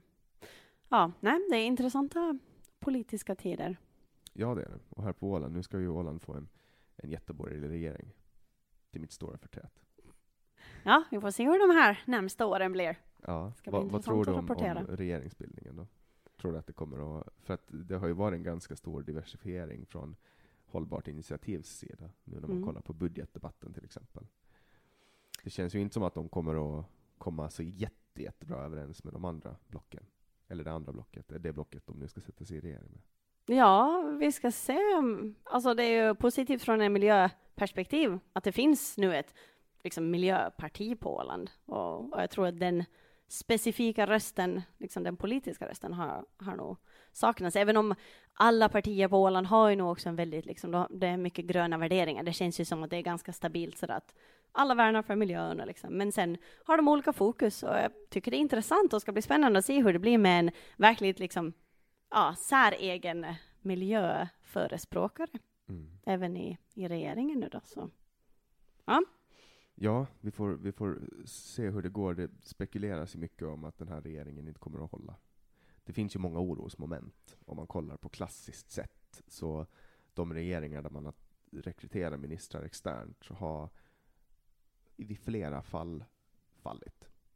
Eh, och, och sen också där man har väldigt skilda värdegrunder som till exempel kollar man obundna och hållbart initiativ så är det två partier som man verkligen inte tror att ska samarbeta. Och, och nu finns ju båda de här momenten med. Ja, men samtidigt just i en sån här tid av polarisering och hårt debattklimat så behöver man ju verkligen kunna komma överens med alla. Så ja, det är som sagt spännande Du har en tider. mycket mer positiv infallsvinkel där än vad jag har. Ja, men eh, som sagt, tiden får utvisa. Ja. ja, och nu har vi ungefär 5-10 minuter kvar. Så Känner du att det finns något ämne du vill lyfta som vi inte har lyft ännu? Oj. Nej, tror inte. Jag tycker det har varit ett väldigt brett samtal om eh, mycket och inte bara miljö och klimat. Men där tycker jag också just att de, de ska inte bara vara en egen, eh, vad ska man säga, elitdiskussionsämne, utan det tangerar ju allting i livet, inte minst liksom hur vi, ja, våra värderingar och hur vi tänker. Då. Kajsa, lever. finns det någonting du känner att vi borde prata om? Om fem sekunder kanske, men precis nu så kommer jag inte på någonting. Fly, flyger du? Ja, det gör jag, tyvärr. Jag har en eh, pojkvän som bor i USA. Vi har inte kommit underfund riktigt med hur vi ska hur vi ska eh, lösa vårt eh, framtida boende. Så jo, Mm. Det är ganska långt bort. det är ganska långt bort. Ja. Hur ofta träffas ni? Ah, två till tre gånger om året. Och då är det någon som... Då är det någon som får, får offra sig och Mm. åka över. Luna. Ajabaja. Hon håller på och gräver efter någonting i soffan. Ni skatter i soffan. jag, tror att hon, jag tror att hon inbillar sig att det är jord och att hon ska gräva lite. Hon bäddar. Ja, kanske bäddar ny kondolaser i Mm. alla fall. Ja, för det här med flyg är ju någonting som, alltså kollar man till exempel på Åland och, och norra Sverige, så är ju det väldigt, väldigt viktigt. Att, vi, det är ju inte ett alternativ för det åländska samhället att ta bort flyget. Alltså det var ju som nu när det blev något litet kris, någon liten kris med, med flygen och det var laboratorieprover som går som inte, alltså Mm. som på något sätt går sönder, eh, blir värdelösa när flyget inte kan gå i tid. Alltså, det är ju extrema konsekvenser för näringslivet att inte kunna flyga. Eh, men det där är också en sån där grej. Jag har inte flugit på tre år, Mm. suttit i ett flygplan. Och det har ju inte med att jag vill rädda klimatet att göra, utan det har, det har bara inte blivit så. Nej, och sen tycker jag det är jätteintressant hur eh, tågturismen har seglat upp, seglat upp eh, Mm. inom Europa som, eh, ja, som ett alternativ som verkligen har vunnit mycket mark nu. Nu har ju i alla fall någon liten procent av flygtrafiken sjunkit i, i Sverige. Nej, min, min systers pojkvän åker bara tåg. Han Mm. är helt emot att flyga. Så de, de tittar liksom på resor. Vart går tågen? Vart Mm. kan vi fara med tåg? Det är jätte, jag och min pojkvän, vi ska fira nyår i Europa och håller på liksom, ja men försöka kolla, okej hur tar man sig bussar och tåg och sådär. Ja. Ja. Så det, det ger ju lite extra spänning och äventyr också. Man ser ju mera faktiskt av, ja det finns ju så mycket att se i Europa också så jag Absolut. förstår varför man Sen ska tappar man ju lite tid också. Jo, man måste ta lite, eller ha möjligheten att ta lite mera ledigt. Jag var ju i i Berlin nu över halloween och Mm. tittade på tågresorna. Men de var så mycket dyrare än flyget. Så det blev ändå flyget Men har du kollat vann. Flixbus? Jo, jag kollade den också. Ja. Men jag kunde, alltså, då skulle jag göra ett jobb i Berlin när jag kom fram. Och den bussresan skulle ta 18 timmar, eller om det var mer. Nej men typ 18, 18-24 timmar någonstans där. Mm. Så jag tänkte att när jag har skakat runt på en buss i 24 timmar så kommer jag vara helt slut. Och då kommer jag fram på morgonen och så ska jag vara vaken hela dagen och så ska jag jobba på kvällen. Så det, det, jag tittade på alternativet men jag, jag kände att nej, jag måste vara pigg och fräsch när jag kommer fram. Jag fick ändå resa långt. Det är båt, det är buss, det är tåg och det är flyg och det var bil. Så Men jag där- åkte alla, alla grejer möjliga. Där är det ju så sjukt ändå att det fortfarande är oftast mycket billigare att ta flyget. Ja. Det är ju ett problem. För alla har ju inte heller kanske råd att lägga fem gånger mer på ett tåg som ändå tar fem gånger mer tid. Nej, jag hade gärna Mm. åkt tåg. Ja. Jag måste säga det, jag hade, gärna, jag hade blivit glad om det hade Mm. funkat med prissättningen. Så där måste ju till ja, lite mera förändringar i både hur man finansierar och subventionerar. Jag tog ju buss en gång från Amsterdam till Paris, och då sparar man ju ganska mycket pengar. Dels för att det är, eller det, det är ju ganska, det kostar ungefär samma sak. Nej, det gjorde det inte. Det kostade väl på kanske 12, det var ju så jättebilligt. Eh, men det man sparar, för att jag tog en nattbuss, det är att man somnar på bussen på kvällen och så vaknar man Mm. i destinationsstaden på morgonen.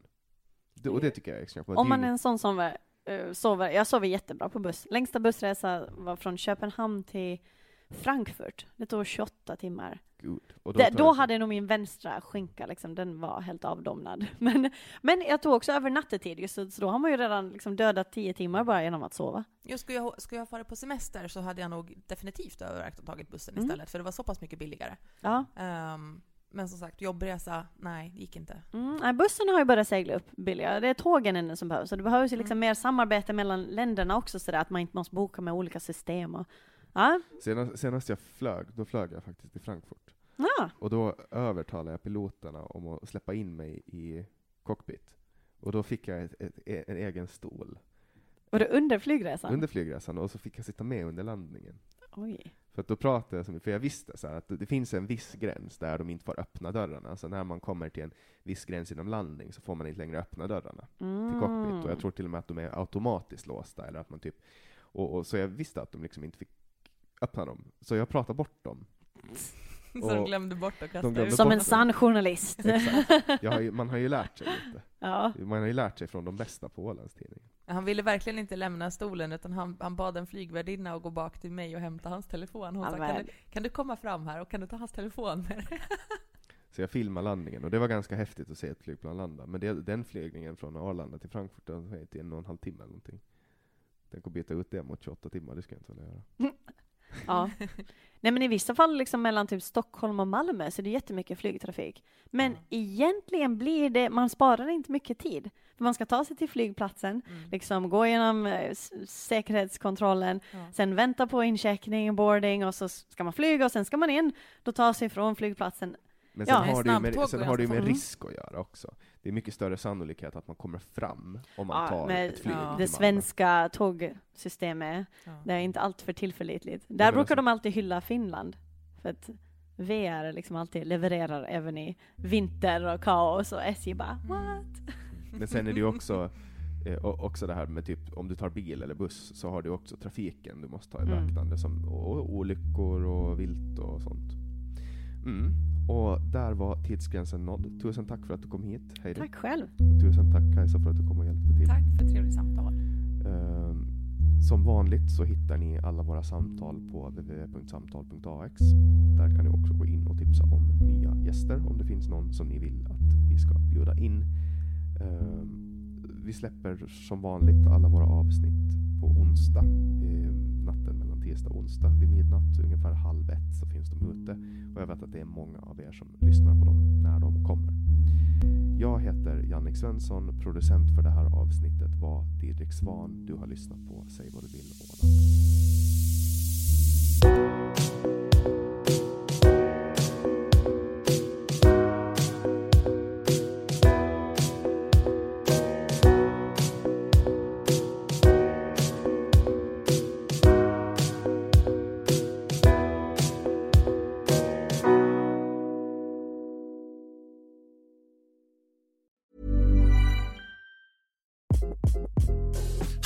This is Craig Robinson from Ways to Win, and support for this podcast comes from Invesco QQQ, the official ETF of the NCAA. The future isn't scary, not realizing its potential, however, could be. Just like on the recruiting trail, I've seen potential come in many forms as a coach. Learn more at Invesco.com slash QQQ. Let's rethink possibility. Invesco Distributors, Inc.